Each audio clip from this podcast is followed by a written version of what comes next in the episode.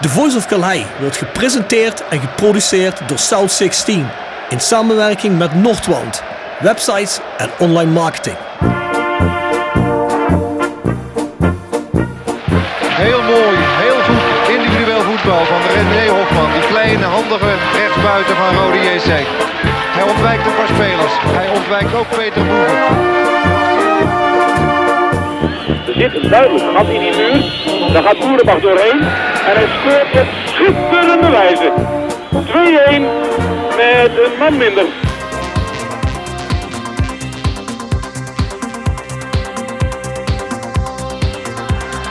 Babangida aanspelen, jazeker. Mooie beweging. En hangen geblazen. Wat een goal zeg. Uit het boekje, een team met een griffel. Zenden. Wat doe je nou? Linzen, Linzen naar voren, naar voren, naar voren, naar voren. Doelpunt! Een doelpunt! voor Roda JC. Roda met z'n rechter. Hier is Paulussen, hier is Paulussen. En daar is de goal voor Roda JC. Bladeren schaart en Malky schiet. Zo! Ho, ho, ho! Wat een treffer zeg. Een granaat in de kruising.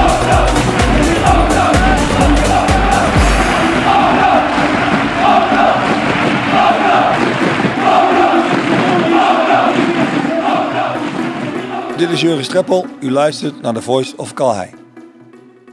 Ja, goedenavond, Bart Eurlings. Goedenavond Rob. Daar zitten we dan. Ja, we hebben geen gast deze week. Ja, we hadden eigenlijk gehoopt dat we een aantal gasten zouden hebben die we misschien toekomstig wel in de podcast krijgen. Eh, we hebben natuurlijk vorige week een episode opgenomen. Het was eigenlijk wel onder het noemen de Voice Match Day, hè, Patch.af. Die ging over het eh, Almere uitsupportersverbod dat uh, Rode heeft uitgesproken. En ja, goed, daar hebben eigenlijk jij en Sean van de UK eigenlijk daar een visie op gegeven. Uh, hoe, waarom en wat jullie daar eigenlijk van vonden. En wat daar wellicht in jullie ogen wijsheid in zou zijn. Dus toen dacht ik, nou, horen wederhoor. Hè? Dus ik denk van, dan nodigen we Bart 70 uit en Errol. Ja, zodat we gewoon een leuk gesprek kunnen krijgen. Of in ieder geval een mooi gesprek tussen allebei de kanten, allebei de meningen. En er werd niet onwelwillend op gereageerd, maar dat kon nog niet op korte termijn plaatsvinden. Dus ik hoop wel dat de mannen wel gaan komen. Ik, ik hoop en denk het wel.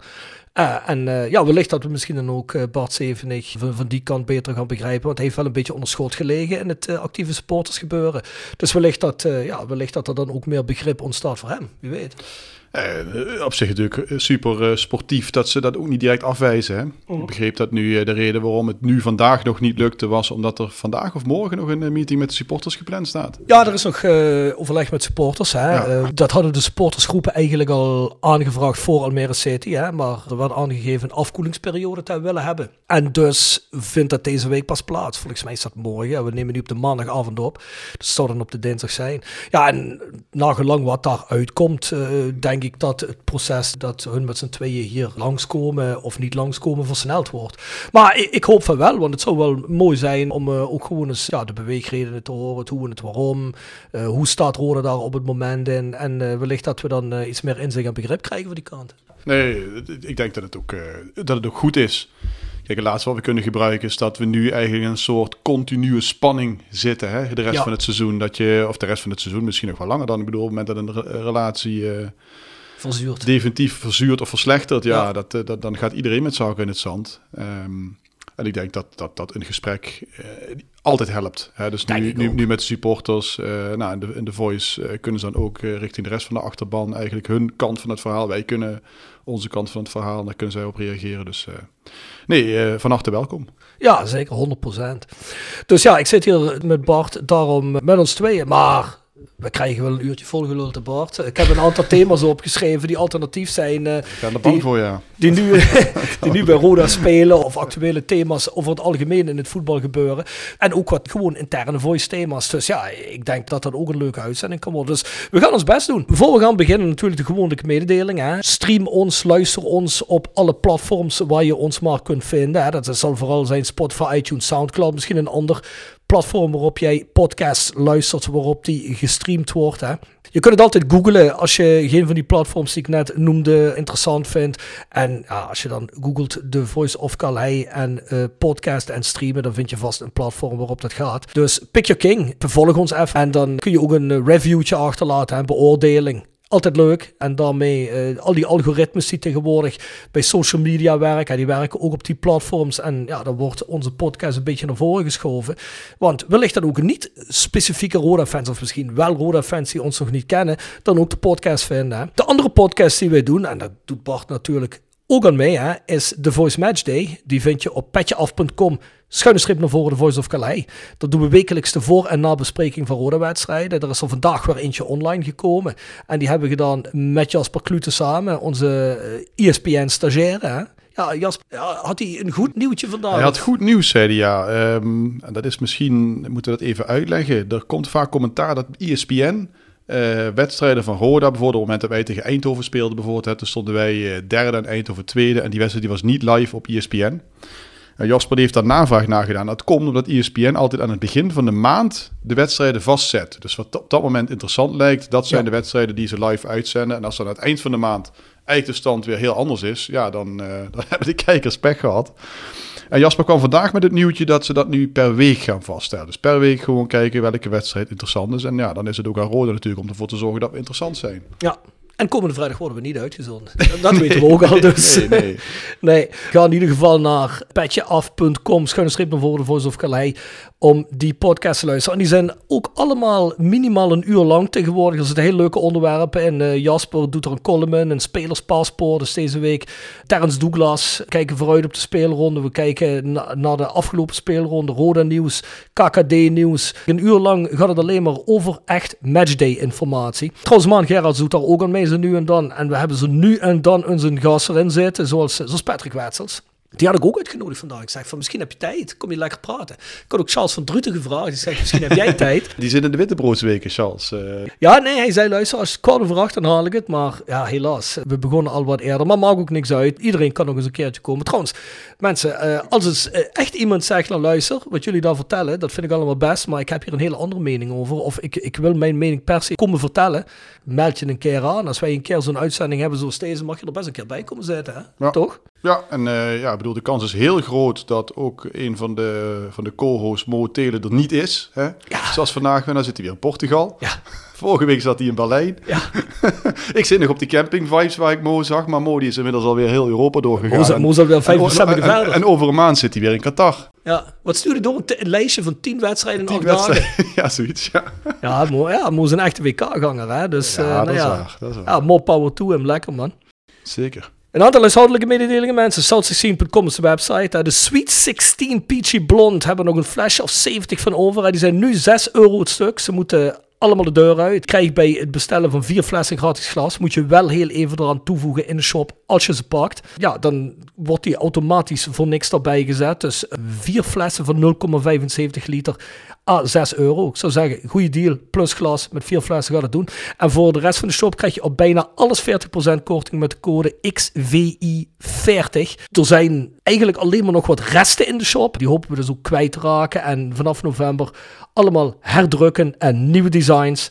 Net op tijd voor je favoriete kerstcadeau, laat ik het zo zeggen. En je kunt met dat deal betalen. Altijd handig om te weten. Wij zijn en het Roda Museum. Maken we ook altijd reclame voor. Ga naar die website en ga naar het Roda Museum in de Orlando Passage. En volgens mij nu bezig met een plekje te krijgen in het PLS. Voor de rest doe ik wederom de oproep. Ja, want ik, ik denk niet dat er al een plek gevonden is. Misschien wel, maar dan moet Sean Krings moet me dan maar in verbeteren. De Ultras Kerkraden zoeken nog altijd naar een grote ruimte voor sfeeracties voor te bereiden. Hè. Je weet wel, die grote doeken te verven en te tekenen. Als iemand kan helpen die heel veel plek heeft, dat zal ook niet permanent zijn. Ik denk dat ze daar altijd maar een, een aantal avonden of, of, uren voor nodig hebben in de maand. Maar goed, ik ben geen specialist, dan moet je bij hun uh, zijn. Je kunt je bij ons melden en dan leiden wij je verder naar uh, de juiste mannen om ja, dat verder op te pakken. Dus heb je beschikking over een grote ruimte en je zegt, nou dat wil ik best ondersteunen, dan meld je even. Voor de rest, ja, uh, we blijven toch reclame maken voor de seizoenskaart van Roda. Ga naar ticketshop.rodajckerkrade.nl en koop daar een seizoenskaart. Zelfs al doe je dat na de winterstop, we hebben ook altijd halve seizoenskaartjes. Hè. Zitten we op een bepaald aantal, weet jij dat Bart? Geen idee. Ik dacht eh 4.500 zoiets. eh, Ja? ja. Ah, kom, we moeten die 5000 kunnen kraken. Moeten we kunnen kraken. Was, was wel leuk. Ik zag nu bij, bij Almere City dat ze daar eh, periodeseizoenskaart hadden. Dat is misschien ook iets voor onze club. Oh. Dat je per periode een eh, seizoenskaart. Ja, Er zijn ook mensen die zeggen- Roda zou dat moeten ondersteunen dan. Er zijn natuurlijk wel mensen die zeggen van, nou ja goed, ik ben misschien in een bepaalde periode maar geïnteresseerd of ik wil het eens Ja. proeven en ik wil er niet meteen eh, een hele bak geld aan uitgeven. Al moet ik zeggen, de rode seizoenskaarten zijn Ja, ten van- opzichte van veel clubs helemaal niet duur. Ze zijn niet duur, nee. Maar goed, mensen met een kleine beurs zouden natuurlijk net een overweging kunnen Vers gebrande pinda's. Wordt gepresenteerd door Hotel Restaurant de Veilerhof. Boek een overnachting of ga heerlijk eten in het mooie bergdorpje Veilen. Voor boekingen ga naar www.veilerhof.nl. En Torapi Autodemontage aan de Locht 70. Voor al uw auto-onderdelen en het betere sloopwerk. Al 40 jaar een begrip in kerkrade. Tevens gesteund door Fandom Merchandising. Jouw ontwerper en leverancier van eigen sjaals, wimpels en andere merchandising. Voor sportclubs, carnavalsverenigingen en bedrijven. Al jarenlang vaste partner van de Rode JC Fanshop.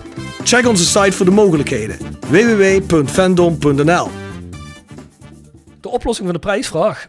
Ja, Ik had hier nog staan van de Fatih Kaya podcast. Hoeveel goals scoorde Fatih Kaya voor JC? Wist jij dat? nou, ik wist die één in de competitie wel. Ik moet zeggen, die in de, in de UEFA Cup was dat tegen Tel Aviv, denk ik. Dat Ja. die dan scoorde. Ja, die, die had ik niet meer scherp, nee. Die in de competitie, die kon me nog wel herinneren. Tegen Vitesse, geloof ik, was dat. Ja, ik geloof het ook, ja. Ja, dus, dus twee stuks inderdaad. Ja, twee stuks. Geen winnaar. Niemand. Nee, niemand de juiste oplossing ingestuurd. Ik geloof dat ik er wel een aantal had die zei één. Maar ja, die zullen die Ja, competitie goal hebben. Dan, eh, die hebben die UEFA Cup gemist. Maar dat is ook een goal voor Roda. hè. Voor de rest hadden we nog wie scoort de eerste Roda goal tegen Almere City uit en in de hoeveelste minuut. Nou, laat dat nou ook niemand goed hebben. Er waren natuurlijk een hele bak Nee. meer inzendingen. eh, wie, wie, wie raadt dit ook dan, hè? Ja, en wie had dat van de Pavel in de basis verwacht? Nee, ik niet. Ik niet, dus... eh, nee, ook uitgebreid over gehad in de Voice Match Day afgelopen zondag. Niemand had dat goed, hè. De meest genoemde namen uiteraard Dylan Vente en Brian Bombe. Maar nee, nee, nee, nee, niemand goed. Dus ja, ook voor Fandom is het een goeie, want die hoeven ook geen sjaal uit te sturen nu. Je kunt ook niet bij benadering doen of zo, hè? Nee, dat gaat, nee, je moet wel de juiste zijn. Ja. Daarom heb ik een betere voor de volgende. Ik heb ze hier even neergelegd dat ik ze niet zal vergeten. Hele Illustrated heeft namelijk de prijs gedoneerd die we zouden gaan geven aan de winnaar. Nou, er is geen winnaar, dus die schuift nu door naar de komende prijsvraag. Maar ga ook naar heleillustrated.nl. hè. Die hebben daar ook een hele reeks van cultuur- en stadgerelateerde kunst. Ook de bekende onderzetters zijn van het Roda Scorebord. En die kun je dan ook in een setje van vier winnen. Ook bij de komende prijsvraag. Scoort Robert Klaassen tegen Roda JC komende vrijdag? En zo ja, in welke minuut? En zo nee, nou ja goed, dan kun je niet de minuut zeggen, maar dan trekken we gewoon een winnaar. Ja, dat is een gesloten vraag. Hè? Dan moet toch wel een winnaar uitrollen. Ja, dan moeten we winnaar uitrollen. Of niemand moet of iedereen stuurt nee in en hij scoort dan wel. Dat is alsnog. Dan is dat alsnog fout. hey, maar ik heb wel vanmiddag even geprobeerd, of vanmorgen geprobeerd, Robert Klaas vandaag in de podcast te krijgen. Die woont ook redelijk kort bij. Die woont aan het einde hier van, eh, van de straat. Redelijk in de buurt van het loon. Ja. Eh, ik denk, oh, die Robert heeft er wel zin in. Vooral als ik zeg, het is gewoon in de buurt van het hele centrum. Ik heb met Robert al eens een keer over gehad. Even een kopje koffie ergens gaan drinken. Vond hij leuk. Dus ik denk, ah, dat doet hij dit vast ook wel. Maar Robert had sportersavond vanavond. Oh, van VVV. ja. Of ze zijn natuurlijk nog altijd gechoqueerd doordat ze in het winkelcentrum zijn vastgehouden. dat, dat zou kunnen, ja. Bizar verhaal. Ja, maar we hebben het zo meteen nog misschien nog wel even over. Maar ja, het was leuk geweest. Want ik zeg tegen Robert, misschien kunnen we het dan een beetje hebben voor de wedstrijd van vrijdag. Vond hij heel leuk. Maar ja, misschien moeten we hem dan gewoon vragen als we uit tegen VVV spelen. Hè? Toch? Ja, ja zeker. Nou, Robert, Ro- Robert heeft, eh, die had leuke verhalen, vond ik toen die eh, ene keer dat hij hier geweest is. Ja, wat, wat, ja, wat Robert de laatste keer dat hij er was, was volgens mij helemaal begin van Ja. seizoen 2. Hè? Dus dat is toch al een tijd geleden. En we hebben altijd gezegd, als we dan weer een keer tegen de Graafschap spelen, kom je terug. Nou, dat is nooit gebeurd. En dan moeten we vragen of we tegen VV spelen. Maakt ook niet uit, gaan we doen. Dus, scoort Robert Klaassen, ja dan nee? Ja, welke minuut? The Voice of Calais, 16com is ons e-mailadres. Stuur daar je grieven, je, je loofzangen en je vragen heen. Trouwens, we gaan binnenkort ook eens een keer een uitzending doen, denk ik. Waar we alleen maar eh, vragen beantwoorden eh, van luisteraars. Dus je mag die al beginnen in te sturen. Die verzamelen gewoon. Dus eh, je, je mag voor de gekste dingen mag je vragen stellen. Stel maar gewoon over elke co-host waarvan jij iets wil weten, stuur maar iets in. Dus dat mag over Maurice Stelen zijn. Dat mag over Bart Eurlings zijn. Dat mag over Bjorn Jegers zijn. Of over mij. Dat mag ja zelfs over Jasper Klute zijn. Nou, nou, nou loopt de storm, denk ik. Ja, maar hij zit toch bij, bij, de, bij de grote Ja, sportzender van Nederland. ja, hè? Dus je weet maar nooit. Op het vuur, die jongen. Hij vertelde ons dat, dat hij dan gebombardeerd is eh, tot uh, informatiebron van Fortuna Sittard. Hè? Ja, dat vond ik wel pijnlijk om te horen, eerlijk gezegd. Ja. Was hij zei, omdat ik de enige Limburger de enige. Limburger was, ja. Maar goed, hij zit natuurlijk niet in de positie dat hij, dat, dat hij iets kan weigeren, denk nee, ik daar of zo. denk ik ook niet. ik denk niet dat hij kan zeggen, pleur even lekker op Nee, met je precies, Fortuna Sittard. precies. Tip van de week. Gepresenteerd door Jegers Advocaten. Ruist de Berenbroeklaan 12 in Heerlen.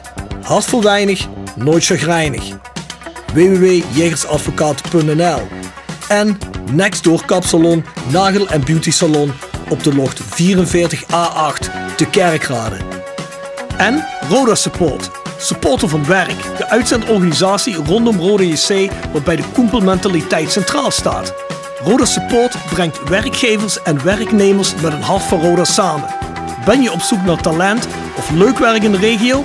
Kijk dan snel op www.rodasupport.nl of kom langs op onze vestiging in het Parkstad Limburg Stadion voor een kop koffie en een gesprek met Boris, Peter, Frank of Ben. Tip van de week, heb je een tip? Ja, ik heb een tip. Dat is een documentaire die op Viaplay of Viaplay. Weet jij wat het is eigenlijk? Hoe, waar die klemtoon moet liggen? Volgens mij Viaplay als je het in Viaplay, Engels zegt. dacht ik ook, ja. Daar staat een documentaire op die heet Strokes of Genius. En die gaat over, eh, over Roger Federer tegen Rafael Nadal. De wedstrijd die zij ooit speelden eh, op Wimbledon in 2008. Eh, is natuurlijk nu actueel omdat Federer nu, ja, ik denk, wat is het, anderhalf week geleden, die zijn afscheidswedstrijd gespeeld heeft. Oh, is hij al gestopt? Ja, was Ik veel- dacht dat hij ging stoppen. Nee, er was, was veel over te doen. Emotionele avond was dat, waarbij hij eindigde op het bankje naast zijn eeuwige rivaal Rafael Nadal. Allebei de tranen in de ogen. Oh ja? Ja, hij heeft afscheid genomen op de Lever Cup.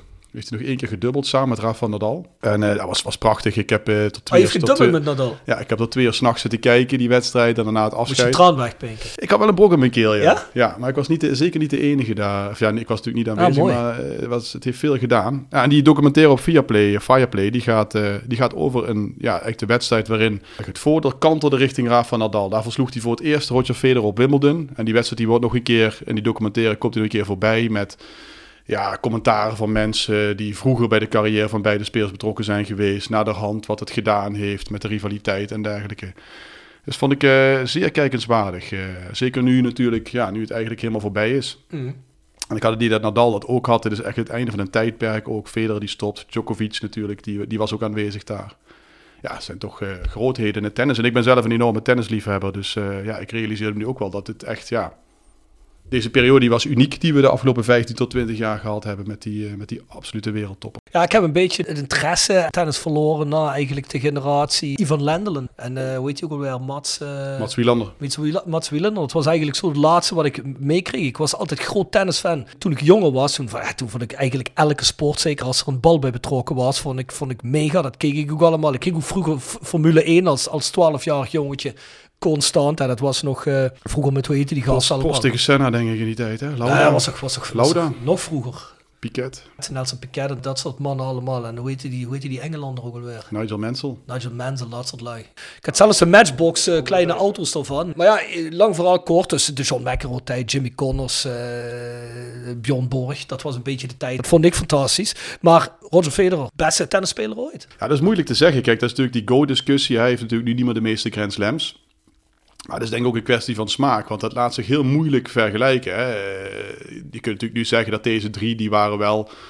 eh, met Murray wordt er vaak nog bij gerekend. Eh, ik denk dat als deze drie er niet waren geweest, had Murray eh, 15 Grand Slams gewonnen. Nu heeft hij er maar drie. Ik moet, dan moet ik heel even onderbreken. Ik luister altijd een podcast. Het heet de Leggett Sportscast. Dat zijn gasten uit Liverpool. Op de vrijdagmorgen doen die tennis, horse racing, voetbal, UFC, boksen, eh, zelfs golf. Bespreken ze altijd 10 minuten zo. Hè. Hun interesse. Zijn dus breed, net zoals wij breed geïnteresseerd zijn in sport, zijn hun dat ook. En hun, er is er één bij die zegt altijd die Murray. Die rekent die in de top 10 van beste tennisspelers ooit. Dat kan toch niet? Ja, nou, dat, ja goed, dat, maar dat, dat, laat, dat laat zich dus moeilijk vergelijken. Hè? Want hij moest voortdurend opboksen tegen die drie. Tegen Ja, maar ooit. Dat- ja, maar die drie zijn al beter als hem. Ja, maar als je die drie beter hebt en je- je, acht dit als een waanzinnig goed tijdperk... Hè? En, en hij zit daar vlak Ah, onder... Oké. eh, Dan dan- bedoel je dat hij misschien wel nog beter was als de Bjorn Borgs en de Jimmy Connors van deze dat, dat, dat, dat vind ik dus echt onmogelijk te vergelijken. Maar Ja. ik denk in dit tijdperk... Kijk, Federer, die heeft ook aan de ene kant het geluk gehad dat hij wat ouder was. Want hij heeft een periode, zeg maar tot 2008, tot die finale op Wimbledon...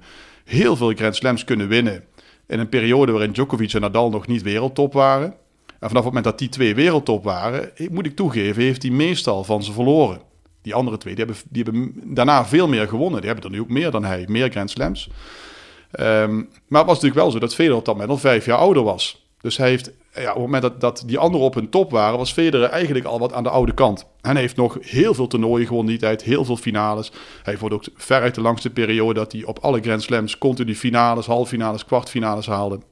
Dat hebben die anderen hebben toch wel vaak wat blessures gehad. Een keer in de eerste, tweede ronde verloren. Ja, en ik vind dat een kwestie van smaak of iemand de allerbeste ooit was. Ik vind hem de beste ooit. Maar als ik heel eerlijk ben, dan was Djokovic eigenlijk nog beter. ik denk als ze alle, alle drie op hun top waren, dat Djokovic, eh, die heeft ook tegen allebei een positieve head-to-head bijvoorbeeld.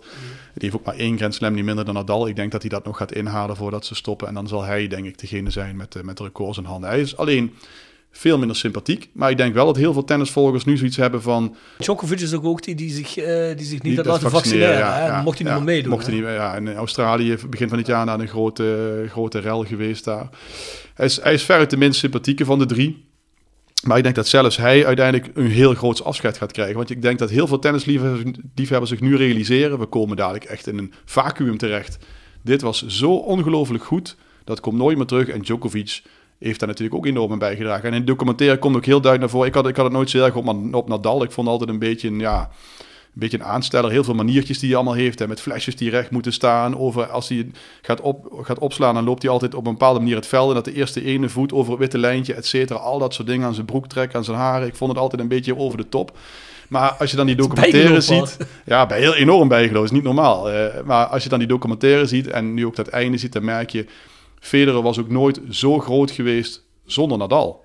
Nou, je moet, dat, dat, je heb moet, je moet altijd. zo'n tegenwicht hebben, die Dat, is zo'n Ronaldo-Messi-verhaal ook. Hè? Ja. De een probeert de ander te overbieden telkens. Hè? Ja, ja, en ik, ik denk dat die twee uiteindelijk toch ongelooflijk veel respect voor elkaar hebben. Ik denk ook wat je nu met Max Verstappen, Lewis Hamilton hebt bijvoorbeeld. Hè? Ja, on- online gaat dat echt gaat veel te ver. Dat is Het respect van Verstappen naar Hamilton is wel voorbij na dit seizoen. Hè? Ja, maar ik, ik, ik, denk als ze alle- allebei over 10 jaar of 15 jaar terugkijken op hun carrière, dat ze op dit afgelopen jaar, dat 2021 jaar, hè, dat ze daar toch ja, met, met, met, met enorm veel eh Ja, 21 eerbied ja, Ja, op terugkijken. Maar in de heat of the moment gaat dat niet. Hè? Dan is het eh, hij of ik. Daar lag Max erom dat hij daar bijna, dat hij daar bijna dodelijk voor ongelukt op Silverstone. Ja, ja nou, nee, maar goed. Maar ik denk, ook, ook, ook bij Hamilton krijgt dit verlies uiteindelijk een plaatsje. Tuurlijk. En, en, en zal, zal die ook die strijd met Verstappen enorm eh, waarderen. Maar dat, daar is het nu nog te vroeg voor. Ja, tuurlijk. Maar ik denk dat we terug moeten naar het voetbalbord. Ja, als, Want, ik, zijn, bedoel, ik viel ook in een groot gat Alle luisteraars toen, toen, toen Tom Okker ophield, viel ik ook in een groot gat. Maar Ja, dat hebben we nooit met ja, zeggen natuurlijk wel. ja, toernooitje gewonnen. Hè? Die wordt toch Ja, Wimbledon? Wimbledon, ja zeker. Noem maar toernooitje. Goed. Hey, ik heb ook een tip, namelijk Terim. En eh, Terim eh, gaat eh, over Fatih Terim. De, De niet nieuwe coach van Fortuna. Hè? dat hadden ze gehoopt bij Fortuna, ja. Maar als je die documentaire kijkt, dat zijn vier delen. Hij zegt wel in het begin, zegt hij, ja, waarom nemen we dit op? Waarom doe ik dit nu? Zegt hij, ja, gewoon omdat ik ook zelf iets wil hebben om op terug te kijken. Waarom die documentaire gemaakt wordt, noemt hij eigenlijk een beetje hetzelfde als Die zei dat ook. Hij zei, ja, ik doe het ook wel een beetje, dat al die verhalen worden opgetekend. Die Terim zegt Ja, dat ook. Maar eh, ik had nooit eigenlijk op mijn netvlies hoe invloedrijk en wat voor cultfiguur die Terim wel niet is in, eh, in Turkije. Hè? Al als voetballer. Ik geloof 13 of 14 jaar bij Galatasaray gevoetbald bijna zijn hele carrière. Daar als cultfiguur gestopt. Hij heeft als bijnaam de emperor, hè? de keizer. Vier keer teruggekomen als trainer. Een UEFA Cup gewonnen met Galatasaray. Wat, wat daarna nooit meer een En daarvoor ook nog nooit een Turkse club heeft, eh, meer heeft nagedaan. Hè? Dus een, een Europapokal gewonnen. Was, ook, was ze ook bondscoach toen ze derde werden bij WK? Of ja, niet? was hij ook bondscoach. Ook toen ze de halve finale haalden, het Europees kampioenschap daarvoor. Hè, met die knotsgekke wedstrijden, ze in de allerlaatste seconde Ja, ja. wedstrijden wonnen. Ja, die man is gewoon groot. Hij stapt altijd op. Hij wordt nooit ontslagen, hij stapt altijd op. Maar ja, goed, ik vind het, eh, ik weet niet, ik vind het... eh, ja, ik vond het een, een, een, een coole documentaire over iets dat ik eigenlijk helemaal niet op een netvlies had staan. Hoe, eh, hoeveel invloed die man eigenlijk gehad heeft op het Turkse voetbal. En is, eh, ja, is eigenlijk mooi om te zien. Dat is een aanradertje, zit op Netflix. Netflix, oké. Nou ja, Bart, dan laten we maar eens beginnen, want we zijn nu al 23 minuten onderweg. We zitten wel bijna op dat uur. Dan gaan we afronden. hey, maar eh, Roda, we staan op moment 6 en we zijn de slechtste Limburgse ploeg. Ja, we hebben het hier Ja. Matchday al een beetje over gehad, maar ehm, slechts heb ik ook tussen aanhalingstekens gezegd. Zes punten uit de laatste zes wedstrijden. Moeten we ons heel veel zorgen maken op het moment? Nou, ik, ik, ik maak me wel een beetje zorgen. Niet, he- niet hele grote zorgen. Kijk, slechtste Limburgse ploeg. Eh, dat was natuurlijk een probleem geweest als wij 17 hadden gestaan nu. En, eh, en die twee die hadden ja, in de subtop gestaan. En eh, dan hadden we natuurlijk wel heel slecht opgestaan. Kijk, Het is maar één punt verschil, hè? Het is één punt verschil. ehm, en, en, en je moet, ja, we moeten ook gewoon toegeven dat zij het gewoon goed doen. Ik geloof dat ze, ze hebben 17 punten nu uit 9 wedstrijden. Ja, Als in een dus, twee punten verschil, sorry. Eh, ik geloof dat een van die twee er 17 heeft. Dat dacht ik maar. Maar, maar, maar Ja, doet, doet ook niet toe. Doet ook niet toe. Maar in ieder geval, eh, ja, zij doen, het, zij doen ook gewoon iets goed. En wij doen het redelijk op dit moment. Ehm, ik, ja, maar waar ik mij zorgen wel om maak, is een beetje de tendens die je op dit moment ziet. Eh, en die tendens die zit er met name eigenlijk in het, ja, het, het voortdurend eh, gehussel eh, met de opstelling. Ik had, ik heb, dat heb ik in de matchday ook gezegd, toen Jurgen Streppel vorige week in de Voice zat. Vond ik, vond ik hem eigenlijk heel goed overkomen. Ik vond Ja. dat hij een goed verhaal had. 100%. Ehm, en ik had daardoor ook eigenlijk wel het idee dat hij, dat hij zelf goed wist waar het naartoe moest. Mm. Eh, en dat hij dat eigenlijk wel redelijk had staan. Hij gaf vrij, vrij hoog op over Daniels, over Bijleveld. Eh ja, nou, dan uitgerekend die twee dan weer in Almere weer gewisseld worden. En ja, eh Björn Jegers die, eh, die vroeg ook, eh, die, die maakte een opmerking op de, app, op de appgroep die we hebben van, ja, hoe lang kun je bezig zijn met inspelen? Denk ja, op het moment dat je iedere keer twee, drie, misschien soms wel vier basisspelers wisselt, dan kan dat heel lang duren. Iedere keukenkampioen-divisieploeg begint vaak opnieuw. Je kunt niet plannen dat je, met, eh, eh, dat, je, dat je met een hele vaste kern heel lang samenspeelt. Ik hoorde Streppel ook de opmerking maken dat we dit jaar maar een hele eh, een wat kleinere omslag hadden gemaakt en dat volgend jaar nog minder was. En denk van ja, Jurgen, volgens mij stonden in Almere nog maar twee basisspelers van vorig jaar erop. Eh, Vente en Lebombe. Eh, hè, zelfs Joppe die was nu, eh, nu gepasseerd. Dat noem ik geen 50%. Ik kan redelijk rekenen, maar ik reken dat niet achter de komma uit. Maar dat is veel meer dan 50% in ieder geval wat er gewisseld is. En als je daartussen dan ook nog eens een keer voortdurend blijft switchen, ja, dan wordt het wel moeilijk. En dan verlies je ook van een ploeg als Almere als een keer een bal. Ja, ik bedoel, zoveel kansen hebben ze niet gehad. En kopt Vente die bal erin, dan win je daar denk ik gewoon. Maar als dat allemaal even niet mee zit, ja, dan kun je ook gewoon daar verliezen. Ik bedoel, zo groot is dat verschil in de keukenkampioen-divisie ook niet. Nee, ja, hij gaf ook in de podcast wel toe, hè. Toen we hem dat ook vroegen, zei hij van, nee, ja, ik, ik ben er nog niet uit. Nee. En dat merk je heel erg. Hè, dat is, Ja, dat merk je heel erg. Maar ik denk dat die vastigheid wel pas komt op het moment dat je iets ook een bepaalde periode laat staan. Ja, nee, dat klopt. Een aantal rare beslissingen ook. Hè. Zoals gezegd, we hebben het er een match over gehad. Veel uitgebreider dan dat we nu doen. Maar zet hij Nick Vossenbelt weer op de 10 neer. Terwijl we eigenlijk er al twee seizoenen uit zijn dat Nick eigenlijk dat niet kan belopen op die positie. En dat dat eigenlijk een beetje te veel gevraagd is. Vindt hij zelf ook, denk ik. Want podcast die technische problemen had, hebben we het er ook met hem over gehad. Dan zegt hij ook, ja, ik denk ook dat eigenlijk die positie een beetje meer naar achter, dat een beetje meer mijn ding is hè, tegenwoordig. Ja. Heeft hij ook zijn beste wedstrijden gespeeld vorig seizoen eh naast Benji Bouchouari, denk ik. Hè? Ik denk dat we er allemaal over eens zijn. Ja, en dan, dan, gaat zijn post zo naar rechts. Dat kan die ook, hè? daar gaat het niet om. Dat, dat, volgens mij is hij ook vorig seizoen bij Den Bosch is hij van, heeft hij van rechts gespeeld. Hè? Maar ja, dan, verwacht je eigenlijk zo'n Daniels op een 10 positie misschien. Want daar Ja. zat Jurgen ook redelijk hoog over op te geven. Van, ja, die Daniels kan op die positie ook spelen. Dus ik dacht van ja.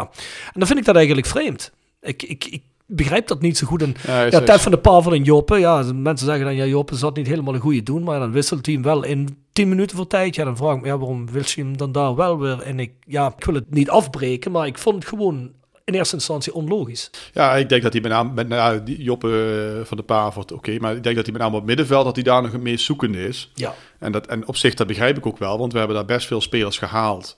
Die, eh, denk ik, zeker in de breedte meer kwaliteit hebben dan wat we hadden. Kijk, we hebben natuurlijk geen nieuwe Fluke gehaald, maar we hebben denk ik wel nu meer keuze op het middenveld. Maar die keuze die is wel allemaal een beetje van hetzelfde niveau. En dat, dat nodigt natuurlijk ook uit om als het even niet op te denken, nou, dan probeer ik dat. En ah, dat lijkt ook niet, probeer ik dat. Ja, vorig jaar met Patrick Fluk had je natuurlijk een onomstreden Ja. iemand, hè? En eigenlijk met Benji Bouchouari ook. Bouchouari ook, met, met Vente op enig moment ook. Eh, dus, dus er viel ook niet heel veel te wisselen. Nee.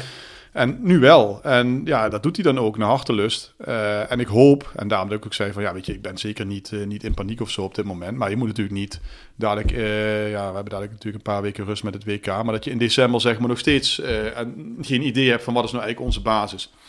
Hij legde zelf ook uit dat Hartjes, dat die ook sowieso een nieuw niveau is. Nou, die moet wat speeltijd krijgen. Dus die, ja, die moet eigenlijk ook spelen. Anders dan train je hem ook niet op voor latere seizoen. Dus ja, ik heb gewoon het idee dat, dat het beste nog moet komen. Dat hoop ik. En Ja. ja, Limburgse ploeg. Ik bedoel, als wij uiteindelijk... eh we hoeven voor mij niet eens de beste Limburgse ploeg te worden. Als een van die twee eerste worden en wij tweede. Ja, dat klopt. Dat, Maar wijsheid is een als, als, als die twee omhoog gaan en wij eindigen derde, dan is het toch wel pijnlijk. Nee, dat zou heel pijnlijk zijn. Maar dat gaat ook niet gebeuren. Nee. Ah, ik heb een beetje het gevoel dat MVV op het moment in zo'n flow zit dat ze een beetje boven hun kunnen zijn en presteren. Dat denk ik ook. En bij, boven VV, en bij- verwachting. VVV zit het ook niet tegen. Wij staan dan toch nog zesde met heel veel dingen die helemaal niet meer lukken. Nee. En ja, dan vind ik het eigenlijk, als je het tegen dat licht aanhoudt, vind ik dat we ons niet zoveel zorgen moeten kijk, maken. als- Want het kan, het kan natuurlijk altijd slechter, maar veel stroperiger en ongestroomlijnder als het nu gaat, gaat het niet. En dan blijken we toch veel wedstrijden nog net over een streep te kunnen trekken. Niet Almere dan, hè, maar, eh, maar wel andere wedstrijden. Ik, ik maak me in ieder geval nog niet zoveel zorgen. En vooral ja, gestoeld op het argument dat we een bank hebben die beter is als vorig seizoen. Ja, dat geeft je nou dan, dat is misschien ook het probleem, hè, dat hij daar voor te veel dingen wil proberen. Maar als we vorig seizoen dit probleem hadden gehad, had ik gezegd, ja, dat kan wel eens link worden. Ja, omdat je eigenlijk geen alternatief hebt. En nu hoeven er maar een aantal jongens veel beter in vorm te zijn, of toen maar net te klikken. Ik denk dat Jurgen Streppel echt wacht op het moment dat een wedstrijd echt onomstreden goed gevoetbald wordt, en dat hij daar dan aan vasthoudt. Ja. Ja, en dat had op zich die basis tegen de Graafschap kunnen zijn. En daar had ik eigenlijk toch wel iets langer aan vastgehouden als ik hem was. Omdat Ja. je daar toch wel, eh, ja, daar in, die, in die wedstrijd hebben we denk ik in een periode ook echt het beste voetbal van dit seizoen gespeeld. Ja. Daarna kakte dat wel weer in. Dat wat jammer is, maar ja, ik had dat eigenlijk nog wel langer gezien, ja. Ja, goed, we gaan het zien. Is er nog wat opgevallen de afgelopen week? Nou ja, goed, be- behalve het vele gewissel waar we dat over gehad hebben, eh, valt mij op zich wel op dat, eh, ja, als je kijkt naar de spelers die wij gehaald hebben, en dat gaf Streppel ook aan, dat het imago van Roda echt wel weer beter is. Spelers willen, wil- willen wij graag bij Roda spelen. En dat is denk ik goed nieuws. We hebben hier in de, in de podcast ook regelmatig wat kritiek gehad op het beleid. Maar ik denk dat dat wel een echt van de positieve dingen is. Dat we, denk ik, als Roda wat te kiezen hebben. Dat we niet meer zonder meer hoeven te kijken van ja, weet je, een linksback, eh, we, hebben, we selecteren er vier. Drie zeggen ons eigenlijk al op voorhand af. Nou, dan kom maar met die, eh, met, met die laatste. Ik heb nu echt het idee dat Roda zelf ook weer eh, kan zeggen van nou, dit doen we niet. Ik vond het ook positief woord dat eh Dylan Vente niet verkocht is. Hè, dat Roda ook daarvan heeft gezegd, nou, als het bod niet goed is, dan doen we het niet. Dan blijft hij gewoon hier. Ja, dat, dat, dat stemde mij best wel positief eigenlijk om dat te horen. En ik denk dat dat wel echt iets is wat, eh, ja, wat denk ik een jaar geleden nog ondenkbaar was. En dat, waar je er toch nu wel echt aan ziet. Hè, ook al gaat het misschien dit seizoen nog niet lukken. We hebben het ook wel eens over gehad. Hè, derde jaar, dat was eigenlijk het jaar dat echt geoogst moest worden. Nou, je hebt niet, dat heb je niet te plannen. Je weet niet dat Willem II, Heracles en PEC Zwolle degraderen. Bijvoorbeeld alle drie tegelijkertijd. Waardoor je toch wel in een hele sterke KKD zit. Maar dat nemen we wel mee. Want ik denk als het dit jaar niet lukt, dat wij niet hoeven te wanhopen. Ik heb niet het idee Nee. dat, dat, het dan, dat dan het fundament ineens weer helemaal onder ons weggeslagen wordt. Dat, dat, dat gevoel heb ik niet. Ja, dat zegt Streppel zelf ook. Hè. De meeste jongens hebben gewoon nog een contract volgend jaar. Ja, En je kunt gewoon eigenlijk verder bouwen. En het is wat je zegt, we zijn er wel eens negatief over geweest, hebben er veel kritiek op gehad, maar credit where credit's due. Hè. Ik moet heel eerlijk zeggen, ze hebben het in de transferperiode, behalve die nummer 6, maar daarvan zegt Jurgen Streppel ook, daar gaan we in de winter alsnog geen op zoek. Vind ik ook mooi dat hij dat zegt, want het zou wel heel gek zijn, terwijl iedereen ziet dat die positie, ja, dat, dat het daar nog mankeert. Dat hij net zo doen alsof dat niet zo is. De eerste podcast die we met hem hadden, was hij een beetje defensiever. Toen, Ja. toen had ik wel zo'n antwoord verwacht. Want eh, ja, het is me goed dat jij geen trainer bent, hè Bart? Dus, eh, ik heb hem niet gehoord. Of heb je hem geknipt? eh? nee, nee, nee, nee, heeft hij niet. Nee, hij was een hele goede stemming en ik vond het heel positief. Maar ik, ik moet ook heel eerlijk zeggen, Bjorn en ik zeiden tegen elkaar na de podcast, ja, hier zullen we wel van de mensen die met ons veel kritiek op Jurgen hebben gehad, veel kritiek op ons gaan krijgen. Omdat we, ja, Bjorn zegt, ja, het was geen kritische podcast eigenlijk. Maar wij vonden ook allebei dat dat helemaal niet nodig was op dat moment. Er werden heel logische verhalen verteld door hem. Hij had goede zin, eh, ja, wat natuurlijk geen reden is om geen kritische vragen te stellen. Maar ik, ik vond dat hij er ook heel anders in stond. En ik vond het allemaal logisch wat verteld wordt. En we moeten heel eerlijk zeggen, we hebben gewoon een betere selectie dan vorig seizoen. Zeker Benji Bouchouari mis je, zeker Patrick Fluke mis je. We gaan volgend seizoen nog meer missen, want ja, hoe groot is de kans dat volgend seizoen in 23, 24 eh, Limbombe en Vente nog voor ons spelen? Nee, die kans die is niet zo groot. En eh, kijk, dat is ook natuurlijk... ehm, kijk, als jij na dit seizoen 25% van de selectie gaat vervangen... Nou, dat zijn dan... eh, of laat het even zeggen van de basis... dat zouden dan een stuk of drie spelers zijn. Maar als dat Lim, Limbombe en Vente zijn en nog een derde... Ja, dan heb je toch wel aardig wat eh, te vervangen natuurlijk. Te- Nee, dat is zo. Ja, dat mag je niet Dus, eh, vergeten. en- en- Keeper op een en- huurcontract, ja, op een En, huurcontract. en stel, Hartjes, die breken de tweede seizoen zelf door. eh, ja, dan heb je toch alweer heel snel over de helft. Dus in de KKD is dat niet te plannen. En dat is op zich ook niet erg, want dat geldt voor iedere ploeg die erin speelt. Het gaat er gewoon om dat jij goede vervangers eh, weet te vinden die direct ja, onomstreden zijn. En dat, dat is wat we dit seizoen eigenlijk nog, nog niet echt hebben. Want anders hoefde die ook niet zoveel te switchen natuurlijk. Op het moment dat zonneklaar was dat iemand eh, de beste is op de teampositie, die is in vorm, die is opgetraind, zeg maar. Ja, dan, dan, dan, dan hoef je daar niet, eh, niet voortdurend te switchen. En dat is eigenlijk nog de stap die we denk ik nog moeten maken. Want dan sta je ook gelijk van het begin af aan mee bovenaan, denk ik. Ja. ja, en ik denk dat dat een proces is. En dat zou, mits wij een goed seizoen weer hebben, hè, dat spelers blijven zeggen, ah, dat Roda, daar wil ik echt wel heen. Dan denk ik dat het volgende seizoen misschien wel eens het seizoen zou kunnen zijn waar het zo uitgerijpt is dat, het, eh, ja, dat we echt weer gaan meedoen voor plek 1 en 2, denk ik. natuurlijk al verteld. Ik was eh, op de bruiloft van Carlos Salamanca afgelopen weekend. Ja, had ik En, ja. en welk nummer denk jij dat de eerste Polonaise op eh, ingezet werd? Even, even militair. Ik vermoed Jan Begel. Jan ja. dat heeft hij toch maar even mooi bereikt. Die, Ja, eh, maar die dat, dat hoor je overal, hè? Ja, maar hij deed wel alsof hij niet wist dat het stadion was gedraaid. Dat geloof ik hem dan wel niet, hè? Nee. Ja, nee, ik geloof Jurgen veel dingen in die podcast, maar dat hij dat niet weet, dat geloof ik niet. Nee, nee. Maar goed, ja, we hebben geloof voor de KNVB-beker. Heracles thuis. Het is geen mooie loting, hè, want in de match zeiden we ook al, een, een leuke amateurvereniging in het noorden des lands was wellicht op, eh, op, een, op een winderige dinsdagavond eh, veel Heerlijk. lekkerder geweest. Heerlijk, ja. Hè, hebben we al vaak gedaan, dus eh, deze keer was het ook heel welkom geweest. Wat was het toen tegen GVVV of zo? Waar we toen acht penalties nodig hadden om verder te gaan. was ook een heel bizarre Was penaltyreeks. dat niet Linde? Was dat Linde? Linde hebben ook een penaltyreeks gehad, ja. Ja, volgens mij was het GVVV of zo. Dat staat me niet bij. Het zou kunnen. Het zou Maar goed, eh maakt verder niet uit. Iemand die het weet mag het insturen. In die penaltyreeks, toen hadden hun de beslissende penalty. Die miste hun toen. Toen misten wij hem ook weer. Toen miste hun hem weer en toen schoten wij hem erin. Zoiets Ja, dat het was toen. Linde. Dat was absoluut Linde. Was dat Linde? Ja, ja, dat was Linde. Oké, dat was het Linde. Geen idee. Goed, dat kan Linde zijn geweest. Stuur het niet meer in, we weten dat. Maar dat was natuurlijk mooi geweest. Of als je natuurlijk, dan gaat het niet op Wim Frans manier. Oh, volgend seizoen tegen Ajax en Feyenoord. Maar Feyenoord thuis op de dinsdagavond is natuurlijk ook mooi geweest. Hè? Vooral, ja, je weet het nooit. Ongeluk zit in een klein hoekje. We hebben de Eredivisie afgelopen weekend gezien. Hè? Geen enkele topploeg heeft gewonnen. Dus dat zou ook, eh, dat zou ook zomaar in kerkrade kunnen gebeuren. Dus ja, ik was eigenlijk... Het is, ja, het is vlees nog vis, hè? Ja, het was Thuis, eigenlijk helemaal geen eh, leuke loting. Nee, nee, nee. maar ik denk ook dat het gevaarlijk is om ons in de eerste ronde eruit kunnen liggen. Ah, kijk, kijk ik, ik, ik ben wel iemand hè, die eh, die KNVB-beker, ja, we winnen hem toch niet. Eh, tenminste, hè, nou, die kans die acht ik echt minder dan 1% dat we hem winnen. Daar zie ik het ook. eh, Wacht, zie ik, ik ben ook een keer met Millwall op de halve finale geweest in Wembley. Hè? Dus die, die dachten ook niet dat ze hem ooit in de finale zou kunnen komen. Maar ja, goed, kijk, de, de bekerfinale halen vind ik ook wel een happening. Maar voor het overige is het in feite is het ballast. Hè, want als je ver, heel ver zou komen bijvoorbeeld, ja, het, het breekt je altijd toch wel een heel klein beetje op in de we competitie. hebben een brede selectie nu. We hebben wel een brede strijd, daar ben ik met je eens. Maar da- dan is het voor Dan mij... De dat- Boer dat- al dat die is voor mij- dat, dat is voor mij eigenlijk een beetje een, ja, weet je, een, een, een survival tocht langs leuke amateurvelden. Dat vind ik dan leuk. Eh, maar zodra we uit tegen Herenveen of zo bijvoorbeeld loten of zoiets, nou, Ah, ja. dan, dan, dan interesseert het me eigenlijk, ik kan me daar echt niet druk om maken zoals vorig jaar. En zo'n Heracles thuis, ja, ik zie ons daar inderdaad ook wel van verliezen. Maar het zijn altijd leuke potjes, want het boeit me dan niet zo heel veel. Weet je, als we doorgaan is het leuk. Als we eruit liggen, dan lig ik er ook niet wakker van. Eh, maar ja, ja, Ja, dan, dan, heb, je, dan, je heb, zegt, dan hè? heb je liefst nog een paar leuke grounds meegepikt. Dat is zo eerlijk Ja. ben ik ook wel. Ja. Eh, Het het is wat je zegt, hè. Je, je maakt je er niet zo druk om, maar je zit er niet zo met een, met een knoop in je buik. Dus eh, dat maakt het natuurlijk leuker. Het is alsof je. Nederlands elftal bent kijken, quasi. Ja, nou kijk, daar zit, daar zit ook geen euforie bij. Hè? Weet je, vorig jaar worden we dan voor- tegen Den Bosch, weet je nog, speelden we met een voor ieder tweede elftal. Eh, stond het 1-1, wisselt, eh wisselt die vijf minuten voor tijd, wisselt die drie basisspelers erbij. En we scoren. Nou, ik was echt vooral blij dat we geen verlenging hoefden te spelen op dat moment. Eh, Kun je je voorstellen?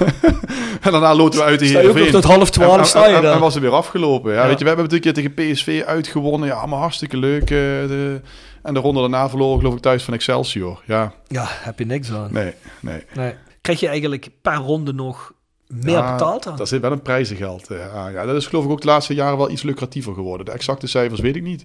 Ik dacht dat het ooit, in het begin was het iets van, ik geloof dat eh Huub Naars dat ooit een keer gezegd, maar dat is dus al een tijdje geleden. Ik zei, dat hebben we Ja, bijna dat, vorige dat, dat, eeuw. dat, dat toen, eh, ik geloof iets van 25.000 euro of iets was. Per ronde? ja, dat liep dan wel op. Maar dat was toen haalde ik geloof ik de derde of de vierde ronde. En toen was het bedrag dat wat ik nu net noem.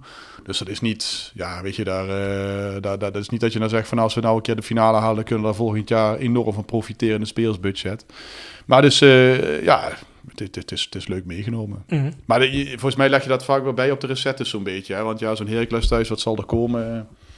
Ja, het zal weer Ik denk een, 3.000, 4.000 man of zo, ja. het zal zomaar een, eh, een, een dinsdagavond kunnen zijn. We, kunnen de verwarming niet meer aanzetten, anders dan zou je er failliet aan gaan. Maar Boah, ja. Als Roda toen al niet te als Roda al tien jaar geleden verwarming niet kon aanzetten, moet je nu nagaan. Is wel leuk. Wij, wij, wij zaten een keer met, eh, met de platform ooit een keer. Toen De La Vega eh, er nog zat.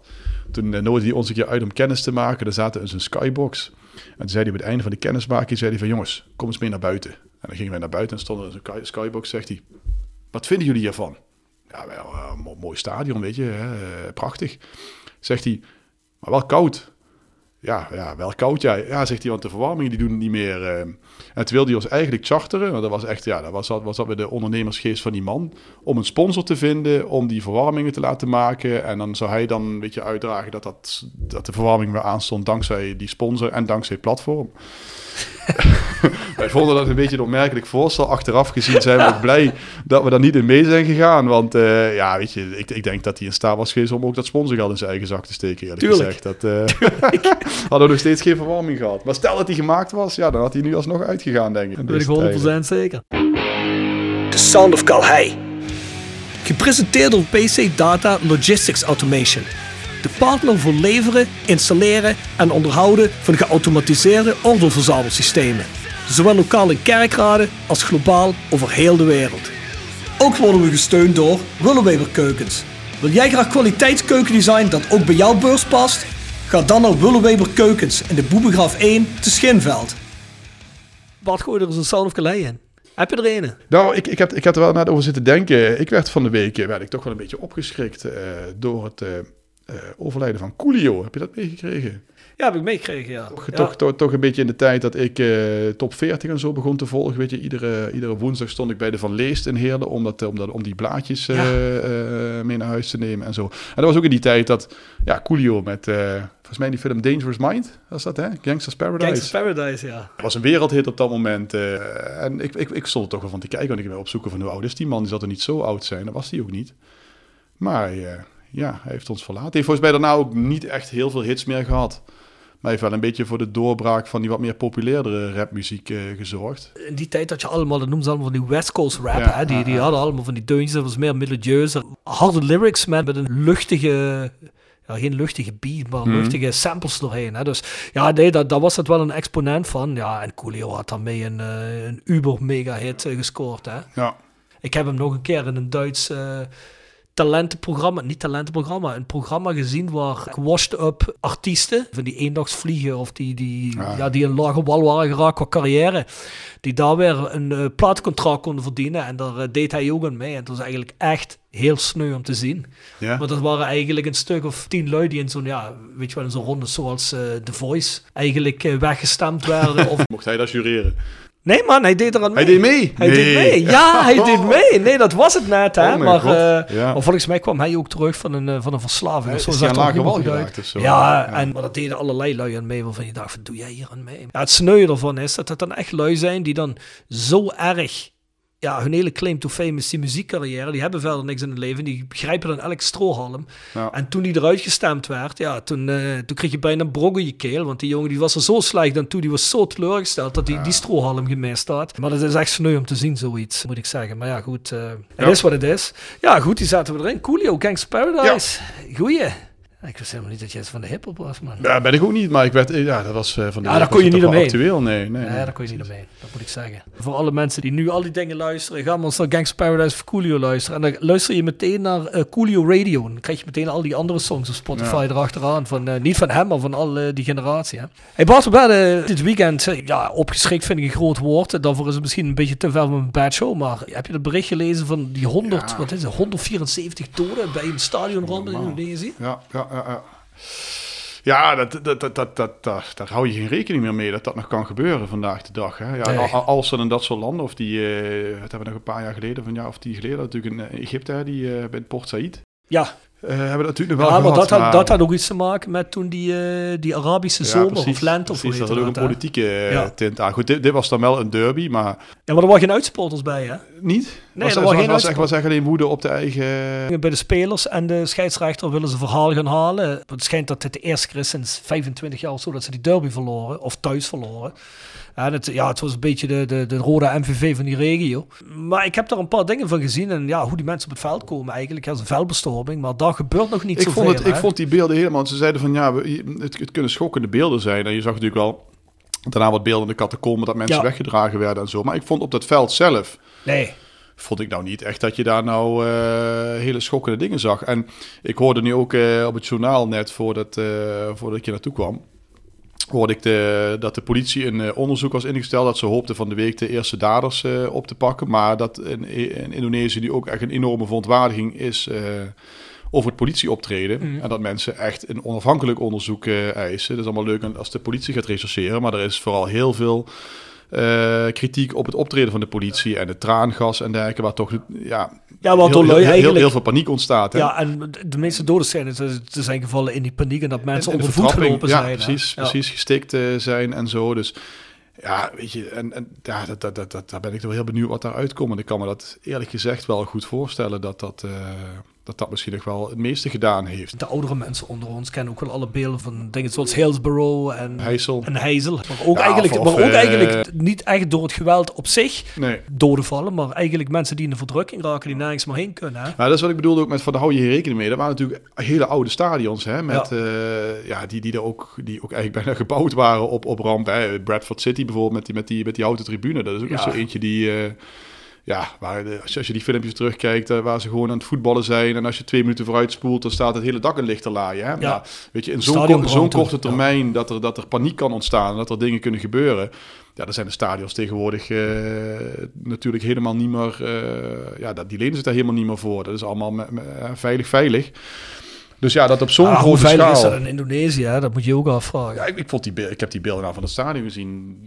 Vond ik, nou, ja, vond er wel netjes uitzien eigenlijk. Ja, nee, ja, ik zeg- ik in- zeg- in, in, de- in de ik- verdrukking, iedereen stond natuurlijk op dat veld. Ja, en als, Ja. daar, eh, als daar iedereen één kant op wil gaan. We hebben natuurlijk nog in Duisburg, denk Duisburg dat- met de Love Parade in die tunnel gehad bijvoorbeeld ook, hè? Ja. Ja. Ja, maar de ongeluk in een klein hoekje zitten. Hè? Kijk, als PLS vol zit en opeens stormt iedereen die omloop in. Ja. En met z'n allen, en het moet heel snel gaan. Dan denk ik ook dat er mensen onder de voet gelopen worden, hoor. Volgens mij waren er Ja. onder de doden ook volgens mij... Veel kinderen. Ja, bijna 40 kinderen. Ja, die zijn natuurlijk de, de, de, de zwakste in zo'n stampede. Hè? Dus die worden eerst onder de voet gelopen. Ja, dit is natuurlijk bizar. Hè? Ik bedoel, we hebben al gezien ook weer hoe het kan gaan met traangas en dergelijke. Hoe politie zaken oppakt in de Champions League finale afgelopen keer. Het was Liverpool en Real Madrid in Parijs. Ja. Dat was ook bizar. Hè? Eh, waar gewoon mensen gewoon gezicht gespoten worden zonder enige reden. Kunt je natuurlijk afvragen, wat is daar het uiteindelijke doel van? Ik heb wel gelezen vandaag dat het schijnt dat hoofdpolitie daar ontslagen is in die stad. eh, dat er nog negen politieagenten ontslagen zijn. Eh, maar ja, goed, eh, in hoeverre worden die mensen ter verantwoording geroepen? Is het voor, de, ja, voor het image? hè? Eh, omdat je nu toch niet meer anders kunt? Ik bedoel, ja, ik, de- ik, ik, de- heb natuurlijk veel Liverpool-sympathie. Dus ik, ik, ik heb altijd dat hele verhaal van Hillsborough heel lang gevolgd. En ja, die mensen die hebben pas na een jaar of veertig hebben die eigenlijk pas erkenning Erkenning gekregen. gekregen. Ja. Ja, dat, dat is. Kijk, ik, ik ben. eh, ik heb natuurlijk ook. eh daarbij, daarbij ben ik misschien een beetje gekleurd toen dat, eh, dat verhaal met die halve bekerfinale in Amsterdam meegemaakt. Hè, waar zonder enige aanleidingen met 200 Roda-fans eh, werden opgepakt.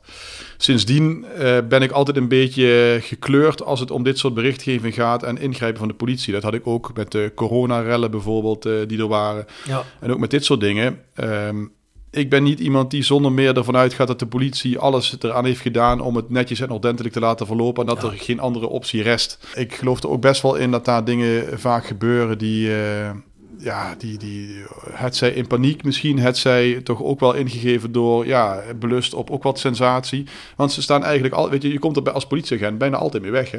Eh, Tuurlijk. dus ik ben daarom ook heel benieuwd. Ik ga er toch wel volgen wat hier, wat hier uiteindelijk uitkomt in Indonesië. Ja. ja, dan mag je hopen dat in, ja, in die landen dat dat, dat dat dan wel zo vervolgd wordt dat dan mensen toch ter, ter verantwoording worden geroepen. Hè? Dus eh, Ja. ja, dus, eh, het blijft bizar. Het blijft bizar dat dat in, eh, in deze tijd eigenlijk nog kan. Hè? Je hebt wel eens van die dingen in Zuid-Amerika gehad, of volgens mij in Chili of in Argentinië, dat wel eens een keer onder, onder dat soort omstandigheden wel eens een keer een tribunes ingestort. en Colo dat soort Colo dingen. dit, dit, dit weekend nog, hè? Oh, dit weekend nog? Ja, ja, ja. Geen doden, maar ook, eh ja, was, was, was, was niet zozeer een tribune, maar dat mensen allemaal op een of ander eh, reclame eh, gedeelte waren ge- geklommen. Wel echt, denk een man of 80 tot 100 of zoiets. En die zakte ook naar beneden. Ja, of, ja, of je gaat in Nijmegen naar het Next Stadion. Ja, dat is precies, ook zo. Maar, Ja, had, had, had ook slechter kunnen aflopen. Ja, dat was ook bizar. Dat was Ja, als dat eh, het- als als die, dat als container er niet Ja, onder als had die gestaan. container die eronder had gestaan, hè. Het is wel mooi als dan de reactie van de eerste mensen die daar dan achter staat, als het dan naar beneden zakt en mensen die direct helemaal naar verder doorzakken, dat de eerste zak is van, hey, weet je, dat, dat vind ik altijd, als, als, er, als er vuurwerk ontploft tussen het publiek, weet je, dan denk ik, Ja, maar ja, hey. Jolis Jo wordt gepresenteerd door RodaJC.goals. Het Instagram-account voor je dagelijkse portie Roda-content. Iedere dag een doelpunt uit onze rijke historie. Van Aruna Kone tot Shane Hanze. Van Bob Peters tot Dick Nanninga. Volg RodaJC.goals op Instagram. Tevens gesteund door Metaalgieterij van Gilst. Sinds 1948 uw plek voor gietwerk in brons. Van brons, van Gilst. Heb je ook een Jolis of niet? Daar heb ik eh, niet over nagedacht eigenlijk. dat, is, dat is een goede die Ja, maar weet je wat het is? Er zijn een aantal eh Ja, personen... een aantal die mogen niet, hè? Nee, er zijn een aantal die mogen niet, maar er zijn er ook een aantal die zou je eigenlijk al lang verwacht hebben. Die worden eigenlijk helemaal nooit genoemd. Volgens mij heb ik al eens een keer John Eriksen genoemd, al een keer Ja, Malky genoemd. inderdaad. Afgelopen eh, keer Nou. noemde Jurgen Streppel, ju- noemde John van Loen. Het hoeft geen specifieke Nee, te zijn, nee, maar, maar het mag ook iemand zijn. Nee, maar, dat, maar, maar je noemt Malky en we hebben het over VVV eh, thuis. Malky die heeft, eh, ik denk in het eerste jaar van Ruud Brood... want Malky was niet echt onze vrije trappenspecialist. Hè. In die tijd hadden we Mark-Jan Vladeris voor. Die nam eigenlijk de rechtstreeks vrije trappen. Maar Malky die schoot ook tegen... En volgens mij heb je die gebruikt trouwens in de intro van, Ja, de, van de podcast. precies. Nou, laten we die pakken dan. Die vrije trap, die, die, ja, die, die, die sloeg als een eh, granaat. Sloeg die. Ik geloof dat dat een 3-0 was of zo. Dat is niet normaal, die is ook van een redelijke afstand hoor. Ja. Die, is, die is niet van net buiten de 16. Nee, die is eigenlijk van op de 20, pantoffel. 25 meter. Ja, niet normaal. Ja, dat eh, was een goaltje. En als je die clip ziet, dan zit West echt stamp, stamp vol. Ja, ja, ja, dat Op was de, die een goede, tijd. Dat, dat heb je zelfs als je nog die wedstrijd voor de degradatie eh, tegen Almere speelde thuis tegen Willem II, die wonnen we. 17.500 man geloof ik of zo. Ja, is die wedstrijd eh, normaal. Peters van de veld werd gestuurd, toch? Ja, was dat die al? Volgens mij wel. Hij had toch over de eerste wedstrijd van hem eh, die die speelde of zo, dat hij rood kreeg. Dat, eh, Was dat? Maar volgens mij nee, was het niet deze. Ik weet het niet. Stuur Ah, in, mensen. Ja, ja. Volgens, mij, volgens, mij, was dat eentje die we heel dik wonnen of zo, eh, nog na die rode kaart. Maar deze wonnen we echt in de allerlaatste minuut. Had ze kunnen. Ja, het is ook weer de week van de Europa Cup toernooien. Maar sowieso, hè, tot aan de wereldkampioenschappen. Volgens mij moeten al die topteams Ja, ze moeten Ik weet het niet. maken. Een wedstrijd of drie eh, spelen, hè? dat is echt niet normaal. Volgens mij wordt er nauwelijks nog getraind. Volgens mij is het alleen maar reizen, voetballen, uitlopen en weer opnieuw. Ik, ik wil het toch heel even over de Europa Cup toernooien hebben. Niet al te lang, heel even. Eh, Ajax morgen tegen Napoli. Eh, ja, als Ajax hem niet wint, dan is het, dan is het wel zo goed als gezien, denk ik. Hè? Ja, het valt me toch een beetje tegen ook eigenlijk inderdaad. wat ze nu toe... ja, nee, nee, ze hebben natuurlijk de eerste wel gewonnen van Glasgow. Liverpool verloren. Maar Napoli heeft er nu zes. Die hebben er zes al, hè? Zijn er al drie wedstrijden geweest? Ja. Ah, oké, check. Nee, daar heb ik er eentje... Ja, ja nee, dan, dan, dan is inderdaad wel... eh, winnen verplicht. Ja, goed, en anders dan ga je voor de Europa League. Hè. Dan, eh, Ja, want denk- Liverpool wint morgen waarschijnlijk thuis ik tegen ik Glasgow. denk- Ik denk, dus- Glasgow, eh, die, die kun je inderdaad wel gevoelig afschrijven. Ja, ja. ja, dan wordt het toch ieder jaar een beetje minder eigenlijk met Ajax. Hè? Natuurlijk die, die halve finale. Het jaar daarna dat ze nog wel de pool overleefden. Vorig jaar eigenlijk ook heel goed in de pool. Volgens mij 18 punten zelfs. Hè? Ja. Maar daarna ook eigenlijk tegen een eh niemendalletje eruit. Wat was het tegen? We hebben verloren. eh, ook geen hele grote. Villarreal? Nee. Weet ik eigenlijk niet meer. Maar in ieder geval ook, ook, ook, ook, Benfica. Benfica natuurlijk. Ah ja, Benfica, ja. Dus eh, ja, weet je, dan, dan zie je toch wel langzamerhand dat die generatie die, die, die toen echt top was, dat dat steeds een klein beetje afkalvert. Dat daar toch wat spelers van vertrekken. En dat het, eh ja, Tadic is natuurlijk ook over zijn hoogtepunt Ja, heen. terwijl iedereen begin van het seizoen zei, dit is het beste Ajax. Sinds jaren. Begrijp ik Ik eigenlijk denk niet. dat ook niet, nee. Nee. nee. Kijk, ze hebben natuurlijk met het verhogen van het salarisplafond hebben ze echt wel succes gehad. En eh, ik denk ook, weet je, dit is ook wel degelijk beter dan wat er, eh, ja, hoe moet ik het zeggen, begin jaren tien eh, zo'n beetje stond. En dan wist je gewoon als een Nederlandse club tegen, om het even welke Engelse club, al was het de middenmotor moest, nou dat is kansloos. Dat is niet meer zo. En dat geldt niet alleen voor Ajax, dat geldt ook voor PSV. Je ziet ook aan de, aan de coëfficiënten natuurlijk van de laatste jaren. Maar ja, dat echte aanhaken, wat eigenlijk toch wel eh, Ajax eigenlijk wilde, ja, dat is toch, dat is toch lastig gebleken. Ja. ja, en dan heb je nog die andere teams. eh, wat is het? De, de Euro eh, De Conference League en de Europa League. en de Europa League. Ja, ik zeg nog altijd Europa Cup. eh, Ja, laten wij het gewoon Europa Cup 2 en Europa Cup 3 noemen. Ouderwets. de UEFA Cup. Was, Nee, het, was het nog eh, maar zo, hè? Gewoon knock-out ja. vanaf de eerste ronde. Nee, maar dat, dat, was, dat was eigenlijk wel... Ja, goed, we weten, het draait allemaal meer om geld, meer wedstrijden, meer reclame, meer, eh, meer centjes. Eh, het is allemaal logisch dat dat tegenwoordig zo gaat, maar dat was wel veel spannender, hè? Dat was zeker spannender. Kijk, en had je ook gewoon van iedere club en de, in de Europa Cup 1 maar één club. Hè? Eh, dus dan had je ook maar eh, Engeland, Duitsland, eh, Spanje en Italië. Had ook maar één club. Ja, En als die toevallig tegen elkaar loten, nou, dan had je het kans dat je als, wat is het, Rosenborg of zo bijvoorbeeld, dat je zomaar in de halve finale kon komen. ja, en de enige mogelijkheid om twee clubs van Ja, je land te krijgen. toernooi won. Als je het van tevoren, het jaar van tevoren had Ja. gewonnen, dan mocht je weer opnieuw Ja, meedoen. de hè? winnaar van de Europa Cup 2 die deed ook mee aan de Europa Cup 2. Ja, precies. Ja. Ja. Het is allemaal heel veel veranderd sinds Roda de laatste keer goede oude tijd. Maar ik moet wel zeggen, van die Conference League, daar heb ik dan vorig jaar toch wel met belangstelling naar gekeken. Ja, ook het feit dat dan zo'n club als, eh, wat hadden we, eh, die nu ook tegen PSV spelen. Bodo Glimt. Bodo Glimt bijvoorbeeld, ja, die, die was je toch totaal vergeten. In de jaren 90 hebben die nu wel een keer Europees voetbal gespeeld. Ja. Maar eh, die heb ik daarna toch twintig jaar lang, wist ik niet meer dat ze nog bestonden. En dan, ja, weet je, dan zie je dan toch dat zo'n club, als het, als het speelveld maar breed genoeg is, dat die toch een heel eind kunnen komen. Dat die, dat die ook best wel gewoon goed kunnen voetballen. Maar dat, ja, normaal gesproken komen die eens door een voorronde heen. Nee, maar ik vind het wel leuk, want ja, kijk, ik ben, ben daar een eh, romanticus in, hè, want ik zeg altijd, kijk, je ziet nou nek de afgelopen jaren, vorig jaar zaten die ook eigenlijk al tegen een eh play-off plek Mhm. aan te schurken daar. Sparta heeft die play-offs gespeeld. Hè. Sparta, ja, waarom zouden wij dat niet kunnen zijn in een jaar of drie, vier, dat weet je niet. Hè. Dat zit allemaal zo dicht bij elkaar, want alles wat eigenlijk in de eredivisie na Ajax, Feyenoord, PSV, AZ, Utrecht Twente geld, komt. Dan heb je misschien nog Utrecht inderdaad. Maar daaronder is het eigenlijk free all een beetje. Hè.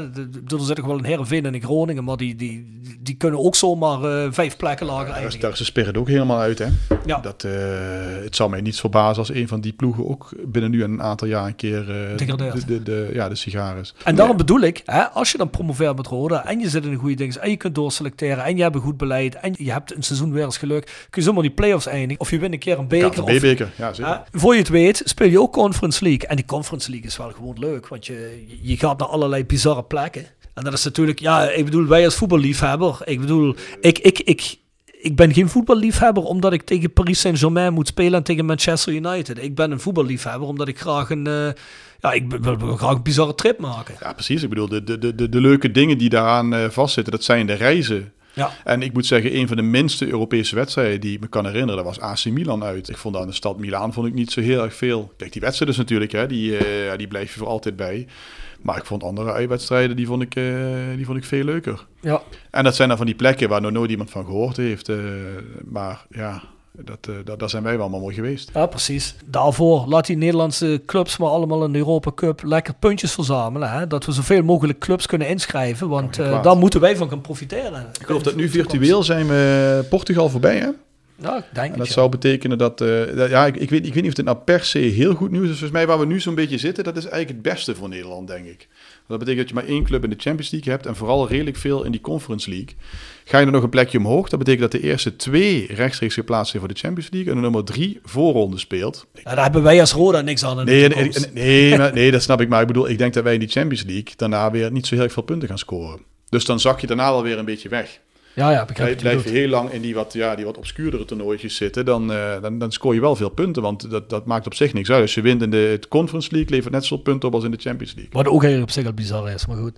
Ja, maar goed, dat maakt wel dat het ook niet helemaal muurvast zit bovenin. Hè? Want anders kom je natuurlijk nooit meer eraan als, Nee, dat klopt. kleinere landen. Hey, Korotayev zei eh, binnen drie jaar Champions League. Wat- zeggen Ja, wij? dat Binnen dat hoeveel... Dat is al binnen twee hoe- jaar geleden. Ja, binnen, nou, dat is langer geleden, denk Ja, ik. ja. Binnen hoeveel jaar Roda JC Conference League? Ja, dan moet je geluk hebben. Maar dan, want de Conference League, dan moet, de Conference League is, die moet je trouwens ook echt halen. Eh, Volgens mij als bekerwinnaar, dan ga je rechtstreeks naar de Europa League. Vind ik ook goed trouwens. Ehm, maar, nee, ik bedoel, de Conference League, dan moet je dus echt over de ranglijst verdienen. Hè? Dan moet je dus Ja. echt die, die, die Ja. top 10 in de, in de Eredivisie, top 8 volgens mij zelfs. Ehm, nou, laten we zeggen, laten we optimistisch zijn, een jaar of 6, 7 denk ik. Dan is mijn zoon ook oud genoeg om mee te gaan. Dat eh, kan hij gelijk... eh, nou, wat is het? Wat zullen we zeggen? Minsk of zo? Of eh, wat is leuk? Riga? Be beetje, beetje Oost-Europa, dat Je, blijft ben- je, toch... ben- je, bent me wel, je eh, bent me wel dingen verzinnen nu. Dan, dan, laten we dan ook meteen naar Azerbeidzjan gaan. Baku, ja. Uurtje of zes, zeven Eh, vliegen. kan, ken, ken Fatih Sankari misschien nog wel leuke adresjes. Ja, oh, die, die kent... eh, Maar die zat in de binnenlanden daar, hè? ja, maar die kent, die kent, daar een, die kent daar een, eh, een miljardair. Dus eh, dat komt allemaal goed. En anders vragen we Mo om, om advies. Die is daar vast ook al geweest. Ah, die is overal geweest. Ja, ja, maar het zal toch leuk zijn, weet je wel. Een club in Duitsland, een club in Engeland en ergens in het Oostblok. Ja, doe ik het voor. Doe ik het voor. Toch? Ja, ja. En dan li niet, liefst niet een usual suspects. Wel een beetje een... eh, ja, kijk, Engeland ben ik nog niet zo heel veel geweest, maar Duitsland ben ik op heel veel plekken al geweest. Dan moet het wel een beetje... Freiburg, Nottingham Forest en Ah, uh, Steaua Boekarest. Ja, Nottingham lijkt me geweldig. Ja. ja. Nee, ja, prima. Ja. Zet- Tekenen we voor. Spreken we bij deze af. Zes jaar? Zes jaar. Zes jaar. Zes of zeven. Stuur ons ook eventjes wat jullie denken. En eh, je mag ook rustig zeggen dat we gek zijn. Nou, komt goed. Misschien kan Jasper Kutem jinx om te zeggen dat lukt nooit meer. Dan gaan we heel snel Europa in. Ja, klopt, klopt. Ja, ja, nee, Jasper, doe even. Tweet hem even. Ja, ik zag laatst een, tweetje Mitchell Donald na tien jaar weer terug bij Roda. Dat ging rond ook een paar WhatsApp-groepen. Ik heb vanmiddag nog eens even nagevraagd in de groep. Leek van wat- Marco Willems te komen, hoor ik of zo. Ja, zoiets. Het bleek dat hij, ik weet niet wie het getweet heeft. Dat zal Mitchell Donald niet zelf getweet hebben, vermoed ik. Maar het schijnt dat familie van hem, zijn neefje of zo Roda voetbal. Of Ah. is het verhaal daarachter? Ik, ik, ik ken het verhaal. Ik zie het hier staan op het blaadje. Maar, en, en ik zag het inderdaad eh, op een WhatsAppje voorbij komen. En ik hoorde las naam Marco Willems erbij. Toen dacht ik al van, nou, neem hem met een kool zout. Sorry Marco, maar eh, nee, ik, het zegt me helemaal niks eerlijk gezegd. Eh, Ik dacht al, ik denk dat hij al redelijk Mitchell, Mitchell, is, toch? Donald, Mitchell Donald, misschien transfervrij. eh, speelt hij toevallig op de zes. Heeft hij een slag geslagen, maar ik weet helemaal niet meer wat er met Mitchell Donald gebeurd Nee, is. Ik weet dat eh, zijn laatste... Joegoslavië volgens mij heeft Ja, hij ja, bij. Rode Ster heeft hij gezeten. Hè? En daarna is hij me eigenlijk ontglipt aan mijn, eh, aan mijn visie. Ja, Hij heeft Ja, al wel goed gespeeld trouwens. ja, dat klopt. Dat klopt. Maar ik, ik, vond, ik vond het ook, weet je, bij Roda heel veel kritiek. Ik vond het niet zo'n hele slechte voetballer eerlijk gezegd. Nee, wat Hij, hij miste veel kansen, maar dat is ook niet is wat je zegt. Ik zie hem eerder misschien wat, wat, wat, wat meer eh, teruggetrokken op het middenveld. Dat hij daar met zijn loopvermogen wel veel kan doen. Maar dat is natuurlijk niet de man waar de laatste bal naartoe moet gaan. Dat, eh, die eh koelbloedigheid Nee. heeft hij niet. Maar hij was ook deel van het team dat degradeerde toen. Hè? Ja, dat klopt. Dat Ja. klopt. Ja. Bij Roda iedereen een klein beetje allergisch. zit- eh. zit een smetje aan, ja. Maar Ke- Ke- Kees is ook teruggekomen. Hè? Die, hebben is ook, ook eh, die hebben ook, die ook weer in ons hart gesloten. Ja, dus zeker, dat, eh, precies. Dus eh, Mitchell komt rustig terug. Gammels een proeftrainingje bij Jurgen. onze vitaliteitsmanager hoort ook bij dat team. Ik wou net zeggen, die hebben toch ook weer in ons hart gesloten? Ja, zeker. ja, acht, achtje, zeker. Acht. De Wereldcup komt eraan, over anderhalve maand, vijf weken, zes weken. Wanneer komt hij eraan? Zoiets is het toch? Hè? Volgens mij begin november begin begint hij toch? ja. Ja. Dan gaat, ik geloof dat eh 11 november is laatste speelronde de Eredivisie. En dan begint het volgens mij eh, een week daarna. Dus eh, ja, dat, dat, dat komt eh razendsnel dichterbij. Ja. Ja, maar wij zeiden al bij de Voice Match Day, wat gaan we daar nog mee doen? Maar we zijn eigenlijk bij de Voice Match Day ook ooit begonnen in de voorbereiding, hè? twee seizoenen geleden van Roda. En toen eh, begonnen we met een Europese kampioenschappen. Dat is het fundament onder de Voice Match Day eigenlijk. Hè? Dat Ja. is reden waarom het ooit opgericht is. En toen zijn we maar doorgegaan eigenlijk. Dus toen, toen, toen, toen dat leuk was. Ik heb zoiets van, laten we ook dat weer met een wereldkampioenschap doen. We gaan dat natuurlijk wel verbinden zoveel mogelijk aan Roda nieuws. Ik vermoed ook dat Jurgen Streppel eh, hier en daar een oefenwedstrijd gaat opzetten. Hè. Dat zal niet uitblijven. Ja, en de KKD ligt ook niet zo lang stil. Hè? Nee. Echt, echt, die, die gaat op een gegeven moment ook gewoon weer door. Nou, volgens mij ligt hij twee, twee weken stil, toch? Ja, zoiets. Hè, niet, zo, niet zo lang als de rest. Dan moet ik altijd lachen als er bepaalde teams zijn die zeggen onze internationals hier en daar. Volgens mij, wie deed dat nou laatst? Was dat Willem II of zo? Maar het waren dan ook heel bizarre internationals waren dat. We hebben het er trouwens ook een, hè? noemde je gisteren de Voice Match Day. Ja, onze linksback, hè? Onze reserve Onze linksback. reserve linksback, ja. Wat, hoe heet die? Ali Barak? Ali Barak, ja. Ja, maar die zit wel bij Jong Turkije, hè? Jong Turkije. Ja, die gaat geen wereldkampioenschap spelen, nee. Ik denk dat we dat gewoon eh, voor die paar weken gaan combineren. Oranje met, eh, met alles wat Roda is. We hadden natuurlijk ook een aantal rub- rubrieken die eh, wereldkampioenschap georiënteerd waren. Die gaan we gewoon weer terugbrengen. Ja, we gaan ons, eh, ons bracket invullen, denk ik, hè? Ja, dat gaan we sowieso, eh, hè. Met, met, met een potentiële wereldkampioen, daar kunnen we, daar kunnen we naar kijken. We hadden toen geloof ik iets van een...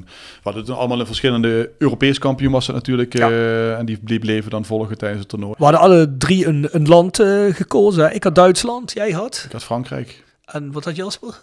Nederland, had hij niet Nederland? Ik weet het niet meer. Had hij Eh, Nederland? Of Italië? Had Brazilië. Nee, was, was, was het EK. Was het EK. Maar niet dat alleen, hè. zoals gezegd, hè, er zijn ook genoeg zaken die rode gerelateerd zijn nog altijd. Plus, we gaan ook weer de Scorito doen. Hè. Eh, Voor de mensen die niet weten wat Scorito is, een Scorito kun je invullen. Dat kun je trouwens ook voor de competitie doen. Er zijn een hele hoop mensen geweest die na het Europese kampioenschap, niet afgelopen jaar, maar het jaar daarvoor, hebben gezegd: jongens, waarom gaan jullie door met die Scorito gewoon met de, met de competitie? eh?" maar boah, dat vind ik wel heel erg veel invullen elke week. Je moet elke week al die uitslagen invullen. En ik moet je heel eerlijk zeggen, zeker nu ik die kleine heb, ik krijg alles nog geregeld. Maar het is wel allemaal zo geregeld dat ik al een scheut van stress in mijn maag krijg als ik eraan denk dat ik op het einde van de week weer een scorito moet gaan invullen voor een competitieronde. Dus eh, daar wil ik niet aan beginnen, maar voor het wereldkampioenschap wel. Dat gaan we ook op eh, de social zetten. Dus als je daar aan mee wil doen, volgens mij hadden we vorig jaar een mannetje of 50 toch, hè, 40 die meededen. Dat was een, volgens mij, eh, ja, dat, maar toen stond hij wel, ik moet, moet ik even kijken hoe we dat nou dadelijk gaan doen. Toen stond hij wel natuurlijk open. Ja, dat dat- makkelijk, makkelijk benaderbaar. Dat Maar kunnen we is misschien voor die natuurlijk, paar eh, wereldkampioenschap eh, dingen ook nu weer gaan doen. Hè? Ja, ja. Daar kun je gewoon vrij meedoen. Ik kon er wel een leuke prijs winnen. Dat was wat bier, wat South 16 dingen. En volgens mij ook nog wat anders. Ik weet alleen niet meer wat het precies toen was. Maar dat kun je winnen. En ja, ik zou zeggen, hou dat in de gaten. Kun je er ook gewoon weer aan meedoen. Five Aside. Gepresenteerd door Herberg de Bernardeshoeve. Weekendje weg in eigen streek? Boek een appartementje en ga heerlijk eten met fantastisch uitzicht in het prachtige Mingersborg bij Marco van Hoogdalem en zijn vrouw Danny. www.bernardeshoeve.nl En Stok Grondverzet uit Simpelveld. Voor al uw graafwerk, van klein tot groot. Onze gravels staan voor u klaar. Tevens worden we gesteund door Wiert's Company. Ben je op zoek naar extra personeel? Bezoek het kantoor van Wiert's Company in het Parkstad Limburgstadion of ga naar www.wierts.com. Heb je nog een five-a-side? Ja, daar heb ik wel. eh, ik, was, ik, ik was aan het denken welke, welke Hey, terwijl jij die uitpluist, hè, kan Ja. ik jou een Golden Ale aanbieden. ja, nou, lekker, heerlijk. Toch? De India Pale Ale, die hebben we al Van, achter de eh, kiezen. van- wat was het? Van Bivog? Ja, Krama, ja Krama, zo heet hij. Hè? Maar hij is van de Brouwhaus Bivog. Ja. Ja, ik dacht dat het Sloveens was, maar het schijnt toch in Oostenrijk gebrouwen te worden. Misschien hebben ze tegen me gelogen in Slovenië, maar heb ik een keer eh, toegestuurd gekregen van de jongens die een show georganiseerd hebben. Wel een lekker biertje toch? Heerlijk. Nou, pluis hem even uit. Ik ga op zoek naar de Golden Ale. Ik had als keeper op, had ik, eh, ja, ik, ik, ik moet zeggen, ik ben wel redelijk nostalgisch. Dus weet je, de, de, de, de, de jaar waarin ik eh, bij Roda voor het eerst kwam, die ga je toch vanzelf idealiseren. Dus ik heb ook zitten kijken van welke keepers hebben in de loop der jaren gehad. En dan kom ik toch eigenlijk bij, de, bij zo'n beetje een van de eerste uit in mijn tijd. Dat is Ruud Hesp. Prima keeper natuurlijk. Dan had ik eh, achterin Johan de Kok.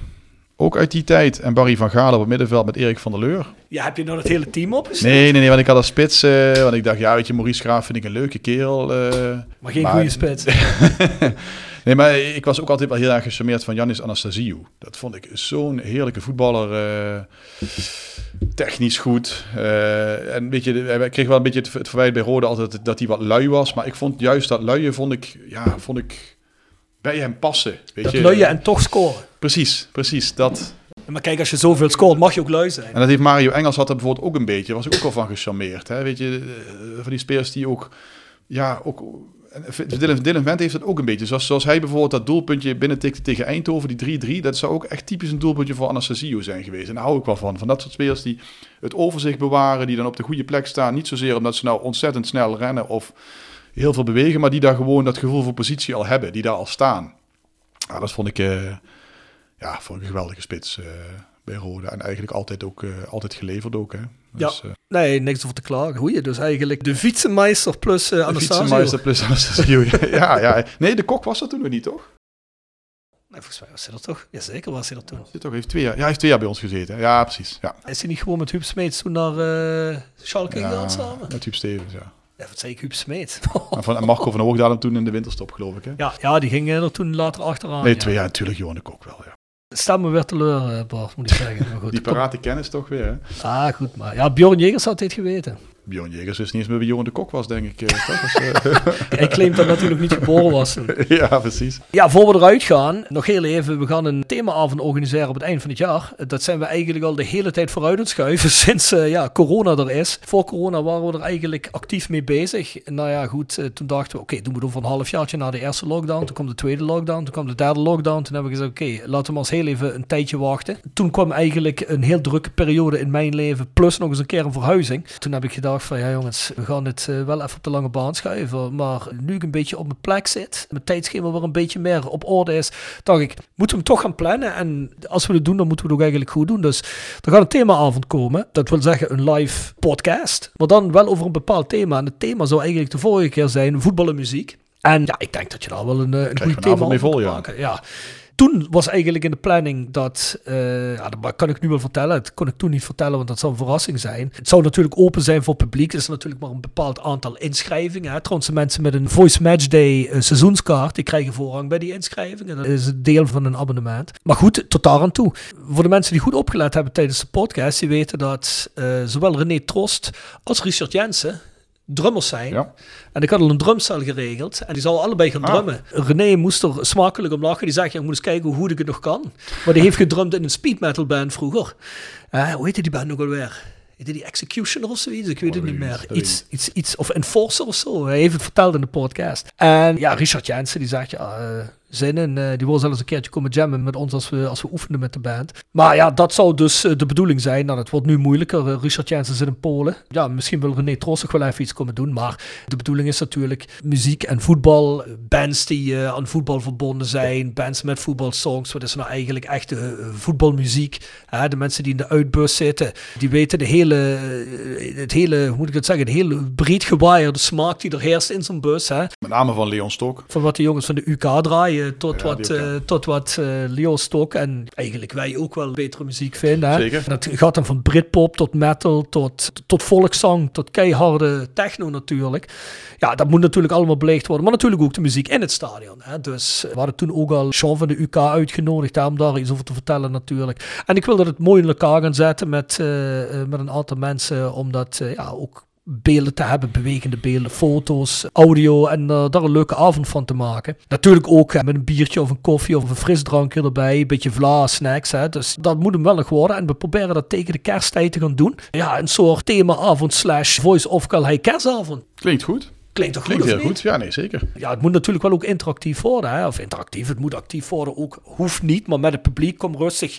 eh, neem je smaken mee, je muzieksmaak. eh, je mag rustig ook iets zeggen. Hè? En eh, ja, we gaan het proberen er ook in een podcast te duwen natuurlijk allemaal. Dus ja, het lijkt me een goed idee, al, al zeg ik het zelf. En ik heb er best wel zin in, dus ik begin deze week een beetje met de voorbereiding daarvan. Ik heb al een hele hoop dingen op papier staan van de vorige keer, maar even de mensen en de tools bij elkaar zoeken, dat we het goed kunnen. De vorige keer zou die in het Oude Mijnmuseum gaan We moeten eens heel even kijken hoe we dat nu gaan doen, of dat nog altijd kan, of dat we ergens anders gaan zitten, hè? of hoe we dat ook maar gaan doen. Het zou zelfs misschien bij Glu kunnen, hè? wie weet. Prima locatie volgens mij, toch? Ik Moet verwacht de- moet natuurlijk- de akoestiek ook een beetje... Dat is één. En ik verwacht natuurlijk ook geen 200 man. Dus we moeten het wel een beetje houden dat het dan ook gezellig is. hè. Je moet niet hebben dat je met 20 man in de ruimte zit waar er 300 in Nee. hè. Dat is ook niet gezellig. Dus ja, we gaan eens kijken. Maar mochten jullie nou ideeën hebben of je mocht zeggen, hey Rob, dit is een goede suggestie daarvoor. Of heb je al daaraan gedacht? Of misschien dat er meer spelers zijn, die oud-spelers zoiets die een instrument bespelen, hè, waarvan wij het nog niet weten. Zou, Ja. zou, zou zo'n As van Peppe geen gitaar spelen of zo? Ik denk dat af en Pep een blokfluit speelt. Ook of Kees Luijs of zo, dat vind ik wel van die types die... Kees, eh, Kees Luijs vind ik iemand voor een saxofoon. Ja, nou wie weet. Ja, wie weet. Ja, Kees zegt altijd tegen mij, nou, ik wil best nog wel een keertje langskomen. Maar hij wilde nog een keer voor de podcast langskomen. Bjorn hem ook gevraagd. En ja, dat vond ik eigenlijk een, eh, een leuk idee. Want Kees is een eh, bijzonder... Kees is een topgast. Ja, is een hij, moet, topgast. hij, hij moet bij ESPN wel wat, wat positiever worden. Had nog wat oud zeer, denk ik. Maar ja, dat heeft hij niet met ons supporters. Dus eh, bij ons eh, Nee. zal hij lekker... eh, en bovendien, Kees zal dan ook wel een biertje meedrinken. Dus ja... Dat soort mannen. En over het algemeen, weet je. Ook wat in het stadion gezongen wordt. Hè, wat, wat spelers daarvan vinden. Hoe ze zich daarbij voelen. Dus nogmaals, heb je suggesties van mensen die er misschien bij moeten zijn? Ik denk dan over mensen die heel veel ouder zijn. Die zeggen, ja, vroeger werd dit in het stadion gedaan. Tot misschien zelfs mensen die Roda liedjes hebben geschreven. Zoals bijvoorbeeld Jacques Vinders. En andere mensen. Lijkt me een leuke avond om eens te kijken wat we er bij elkaar kunnen krijgen. Wat we ermee kunnen doen. En we staan open voor suggesties. Net als ik elke keer zeg, elke suggestie wordt gelezen en wordt over nagedacht. Of die wordt omgezet, kunnen we je niet beloven. Maar we zijn wel dankbaar voor elke suggestie. Want er zijn wel een hele reeks suggesties die zijn omgezet. Hè. Bijvoorbeeld bepaalde rubrieken die we hier hebben. De vragen die we altijd stellen van jullie. Dus stuur rustig in naar de voiceofcalais.south16.com. Jij gaat er toch bij zijn, hè Bart? Absoluut, ja. Dat denk ik ook. Hè. Ja, Bjorn zal wel zeggen, ja, moet ik eens even kijken of ik tijd heb. ja, en Mo zit natuurlijk in Mo- Mo Qatar. ja, die staat net terug, denk ik. Denk je dat hij net terug is? Ja, als je met kerst doet, eh, wel, dan is het WK af. Ja, Mo moet natuurlijk dan elke avond eh, overwerken tot één uur s'nachts. en een Mo is zijn eigen baas, dat hoeft niet. Ik wou net zeggen, eh, die indruk heb ik niet. Als ik, als ik hem in de gaten hou. Die indruk heb ik niet. Ja, ja, heerlijk. Mo maakt heel veel uren die wij niet zien, denk ik. In het vliegtuig kan hij natuurlijk... Ik weet zeker dat, eh, dat Mo genoeg uren maakt omdat hij daar geraakt is wat hij nu is. Dus eh, dat, dat zal hij heus nog wel doen. le- levendeel van het werk heeft hij er al op zitten. ik wil net zeggen, hey, en trouwens, hey, het is je gegund.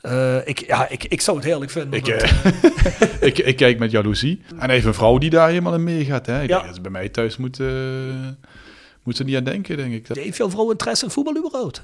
ik ken mijn vrouw van het voetbal. Hè. Oh, je kent je vrouw van Mijn vrouw voetbal? Spartaanse. Oh, maar dat is echt door het voetbal. Ja, ja, ja, dat verhaal heb je de bus een keer verteld. Ja, klopt, klopt. Dus Maar, nee, die, maar- maar, die maar- heeft geen, maar die heeft geen zin in die tripjes. Europa tripjes of... Ja. eh, jawel, jawel, dus die zou, die zou ze wel leuk vinden. Maar dit, dit is, eh, de liefde voor het voetbal is er nog wel, maar is wel een klein beetje bekoeld sinds er kinderen zijn. Dan, eh, het zat vroeger altijd zo een seizoenskaart bij Roda. Ik ging altijd mee. Oh, nou netjes, dat wist ik niet. Dus nee, dat, dat, dat is prima. En dan, weet je, dan heb je ook wel begrip daarvoor. Maar het moet natuurlijk niet uit de klauwen lopen. Want ik wil ook naar de Formule 1, ik wil naar de tennis en weet ik veel allemaal. Ja, dan moet ik toch op een gegeven wel eh, afwegen. Van, Welke ja, tenniswedstrijd ga je dan? Ja, ik probeer altijd eh, wel een, een toernooitje mee te pikken. En heb je in Halle bijvoorbeeld, heb je een gasttoernooi. Of in Parijs-Bercy.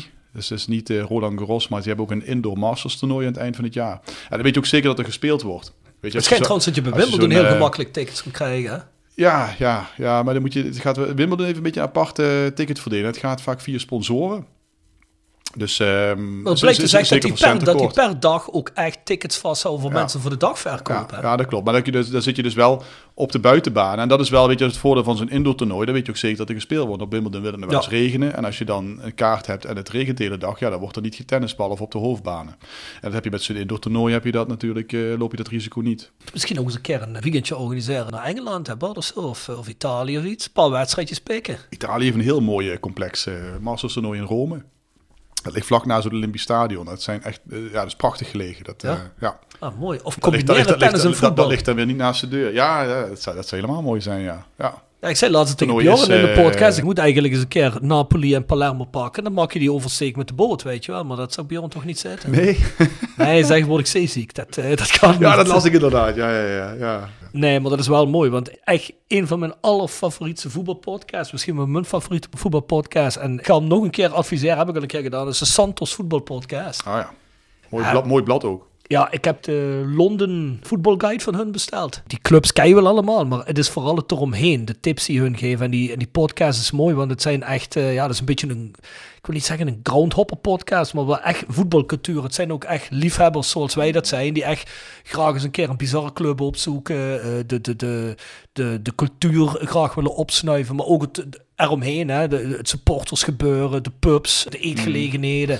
De bizarre feitjes eromheen. En die worden daar besproken. Als, als je daarvan houdt, dan zijn sowieso die, voetbal, die eh, boeken over voetbalstad Buenos Aires, eh, deel Ja. 1 en 2. Die zijn echt, dat, is, dat komt dit helemaal in terug. Ah, geweldig, ja. Echt geweldig. Want die gast hadden ze Willem II, maar die is ook Ja. helemaal gek, hè? Ja, ja, ja. Ja. Ja, die heeft het ook over Berlijn en eh voetbalstad, voetbalstad Liverpool. mij. ja, die heb ik boven Ja. liggen, ja. Top, moeten we een keer gaan doen. Stichtpunt Sterke Stories. Gepresenteerd door, Stichtpunt Tattoo Kerkrade. tevens gesteund door Van Ooyen Glashandel. Sinds 1937 vervangen en repareren wij al uw glas met veel passie en toewijding. Met 24 uur service. www.vanooyen.com En Quick Consulting. Laat finance waarde toevoegen aan je organisatie. We komen graag met je in gesprek om aan de hand van concrete voorbeelden duidelijk te maken hoe we dit ook binnen jouw onderneming kunnen realiseren. Think win-win, think quick. www.quickconsulting.nl Tevens gesteund door Roda Arctic Front. Heb je geen sterk verhaal uit de rode geschiedenis? Even moeten graven. Ja, rode geschiedenis. Wat misschien wel een leuke nog is, is dat... eh, dat is, is dan wel Roda gerelateerd. In het jaar dat... Dat is al genoeg. in het jaar dat Alemannia Aachen promoveerde naar de, naar de Bundesliga. Ik denk dat dat in 2005 of 2006 geweest is. Eh, dat was een periode waar met, met, eh, dat eh, het over en weer wedstrijdbezoek, dat had toen echt, nam toen echt een vlucht. Toen zag je op de thuistribune van Aachen, zag je denk tientallen, misschien wel honderden rode fans. Maar ook bij uitwedstrijden zag je er veel. Had ook wel een beetje te maken met wat vaste mensen die op dat moment een stadionverbod hadden bij Roda. En die gingen dan in Duitsland mee. Ik overigens niet hoor, en eh dat, dat gaat verder. Nee. Maar, maar zo kon het ook een keer gebeuren. Ik, ik, het was ook echt in de tijd dat ik zelf nog student was. En eh, toen zaten we op een gegeven moment op de allerlaatste speeldag... speelde Aken nog in Burghausen. Die spelen nu al lang geen tweede Oh, dat, Bundesliga dat, meer. dat is bijna een op de- Oostenrijk. op de Oostenrijkse grens, inderdaad. En dat was een wedstrijd, daar was, ik denk dat eh, Ramonski toen ook nog wel mee was, maar in ieder geval ook Rick van Wersten, weet ik zeker dat hij mee was. Want eh, toen vertrokken wij s'avonds, ik denk rond een uur of elf eh, in Aken. En kwamen s'morgens rond een uur of acht of negen kwamen daar aan. In Broekhausen, vlak naast het stadion, heb je een... eh, ja, dat was sowieso die hele reis, dat was, dat was een beleving op zich. Want daar daar liepen ze rond met enorme grote trechters. En er werden dan, ik denk nou misschien wel tien blikken bier eh, in, ingegooid. Of sangria, weet ik van. Dat werd dan aangesloten op iemand zijn slokdarm. En hopsakee, dan ging dat er zo doorheen. Dat was op zich al, al een beleving. Ik keek mijn ogen uit daar, want dat had ik eigenlijk nooit gezien. Maar toen we daar aankwamen, vlak naast het eh, stadion, er ligt een zwembad. Gewoon, eh, gewoon een freibad. En eh, dat was open. En eh daar, wa- daar waren we ook op voorbereid. Want iedereen had zijn zwemspullen bij zich. Dus we kwamen daar s'morgens in de stromende regen in Boerkhausen kwamen we daar aan. En iedereen omkleden. En dat, en- en dat zwembad in. Ja, dat was de laatste wedstrijd. Dus het zal april, mei Ja. geweest zijn, denk ik. Dus het viel. Maar het was, het was aan de frisse kant, hoor. En, maar we hebben daar echt, ja, ik denk een half uurtje, drie kwartier of zoiets in het zwembad gelegen. Daar zijn er nog foto's van. En eh, op een gegeven moment kwam de ME het zwembad in. en toen werd ik vriendelijk verzocht om, eh, om, het zwembad ook weer te verlaten. ja, die zijn echt tot in de kleedhokjes met ons meegegaan. eh ID-bewijs en dergelijke, allemaal gescand. En eh, toen konden we weer vertrekken. En toen konden we op zoek naar een pub in Broekhuizen. Maar dat viel nog niet mee om die te vinden. Maar dat, eh, Nee, ja, dat is- zal dat is ik, eh, dat zou ik niet snel vergeten. Dat we daar met, ja, met harde hand voorbij, dat is misschien een groot woord. Maar toch wel heel vriendelijk verzocht werden om Ja. Broekhuizen Het zal je niet verbazen, want we hebben met de band ook, ook gespeeld. Ja. Ja, terwijl, terwijl is geen Oostblok. Maar, maar luister, in bijna 26 jaar Bon van Pijn, noem maar eens wat bizarre steden op. Ik vermoed dat we er minimaal één keer gespeeld hebben. Nee, maar dus ID en alles. Dus, jij, dus jij hebt een Global Theater Sport entry ergens. Ik heb geen idee. Ik heb geen idee. Ze, ze, ze vroegen zich voornamelijk af wat wij als Nederlanders daar in godsnaam kwamen doen. eh. Maar wel- Broekhuizen vragen zich Ah, volgens mij sowieso af wat je als buitenstaander daar Ja, kan het doen. is, het is, maar dat is ook echt waar de weg ophoudt met bestaan. Want je, je hebt dan die weg richting, wat is het, Nuremberg, Regensburg of zo. En dan heb je nog, ja, ik denk nog minimaal een uur over van die 80 kilometer weg. Want er ligt niet eens een snelweg eh, richting Broekhuizen. In die Het is regionen. echt, eh, ja, als ik daar nu op terugkijk, ik, pff, ik zou dat nou niet meer, niet meer trekken van dat soort reisjes. met de bus. Welkom tot mijn bandleven. Ja. dat is ongeveer precies zo. Min het gedeelte waar we in het zwembad gaan liggen. Zo nu en dan wel waar je door de politie verwijderd wordt, maar dat is wel een heel ander verhaal. Hey, eh, ja, Bart eh, was een goeie. Ja, ik denk dat we wel eens een beetje... eh, Rond zijn, hè? in ieder geval van Roda alles gecoverd hebben wat er te vertellen viel. En, en meer. Bart zou weer heel even de vrienden doen. Zeker. Jegers Advocaten. Next door Heel Nail en Beauty Salon. Hotelrestaurant de Vellerhof. Herberg de Bernardeshoeve. Noordwand. Stok Grondverzet. Rappi Autodemontage. Van Ooije Glashandel. Quick Consulting. Wiertz Company. Fendor Merchandising. Nederlands Mijmuseum. Roda Support. PC Data. Metaalgieterij van Gelst. Willeweber Keukens. Stichtpunt Tattoo Kerkrade. De Voice of Calais Support Noord. En Roda Arctic Front. Roda Fans uit. Scandinavië. Ja, zeker. Ja, Jurgen Streppel wist hem niet. Vond ik een beetje Is die niet meer?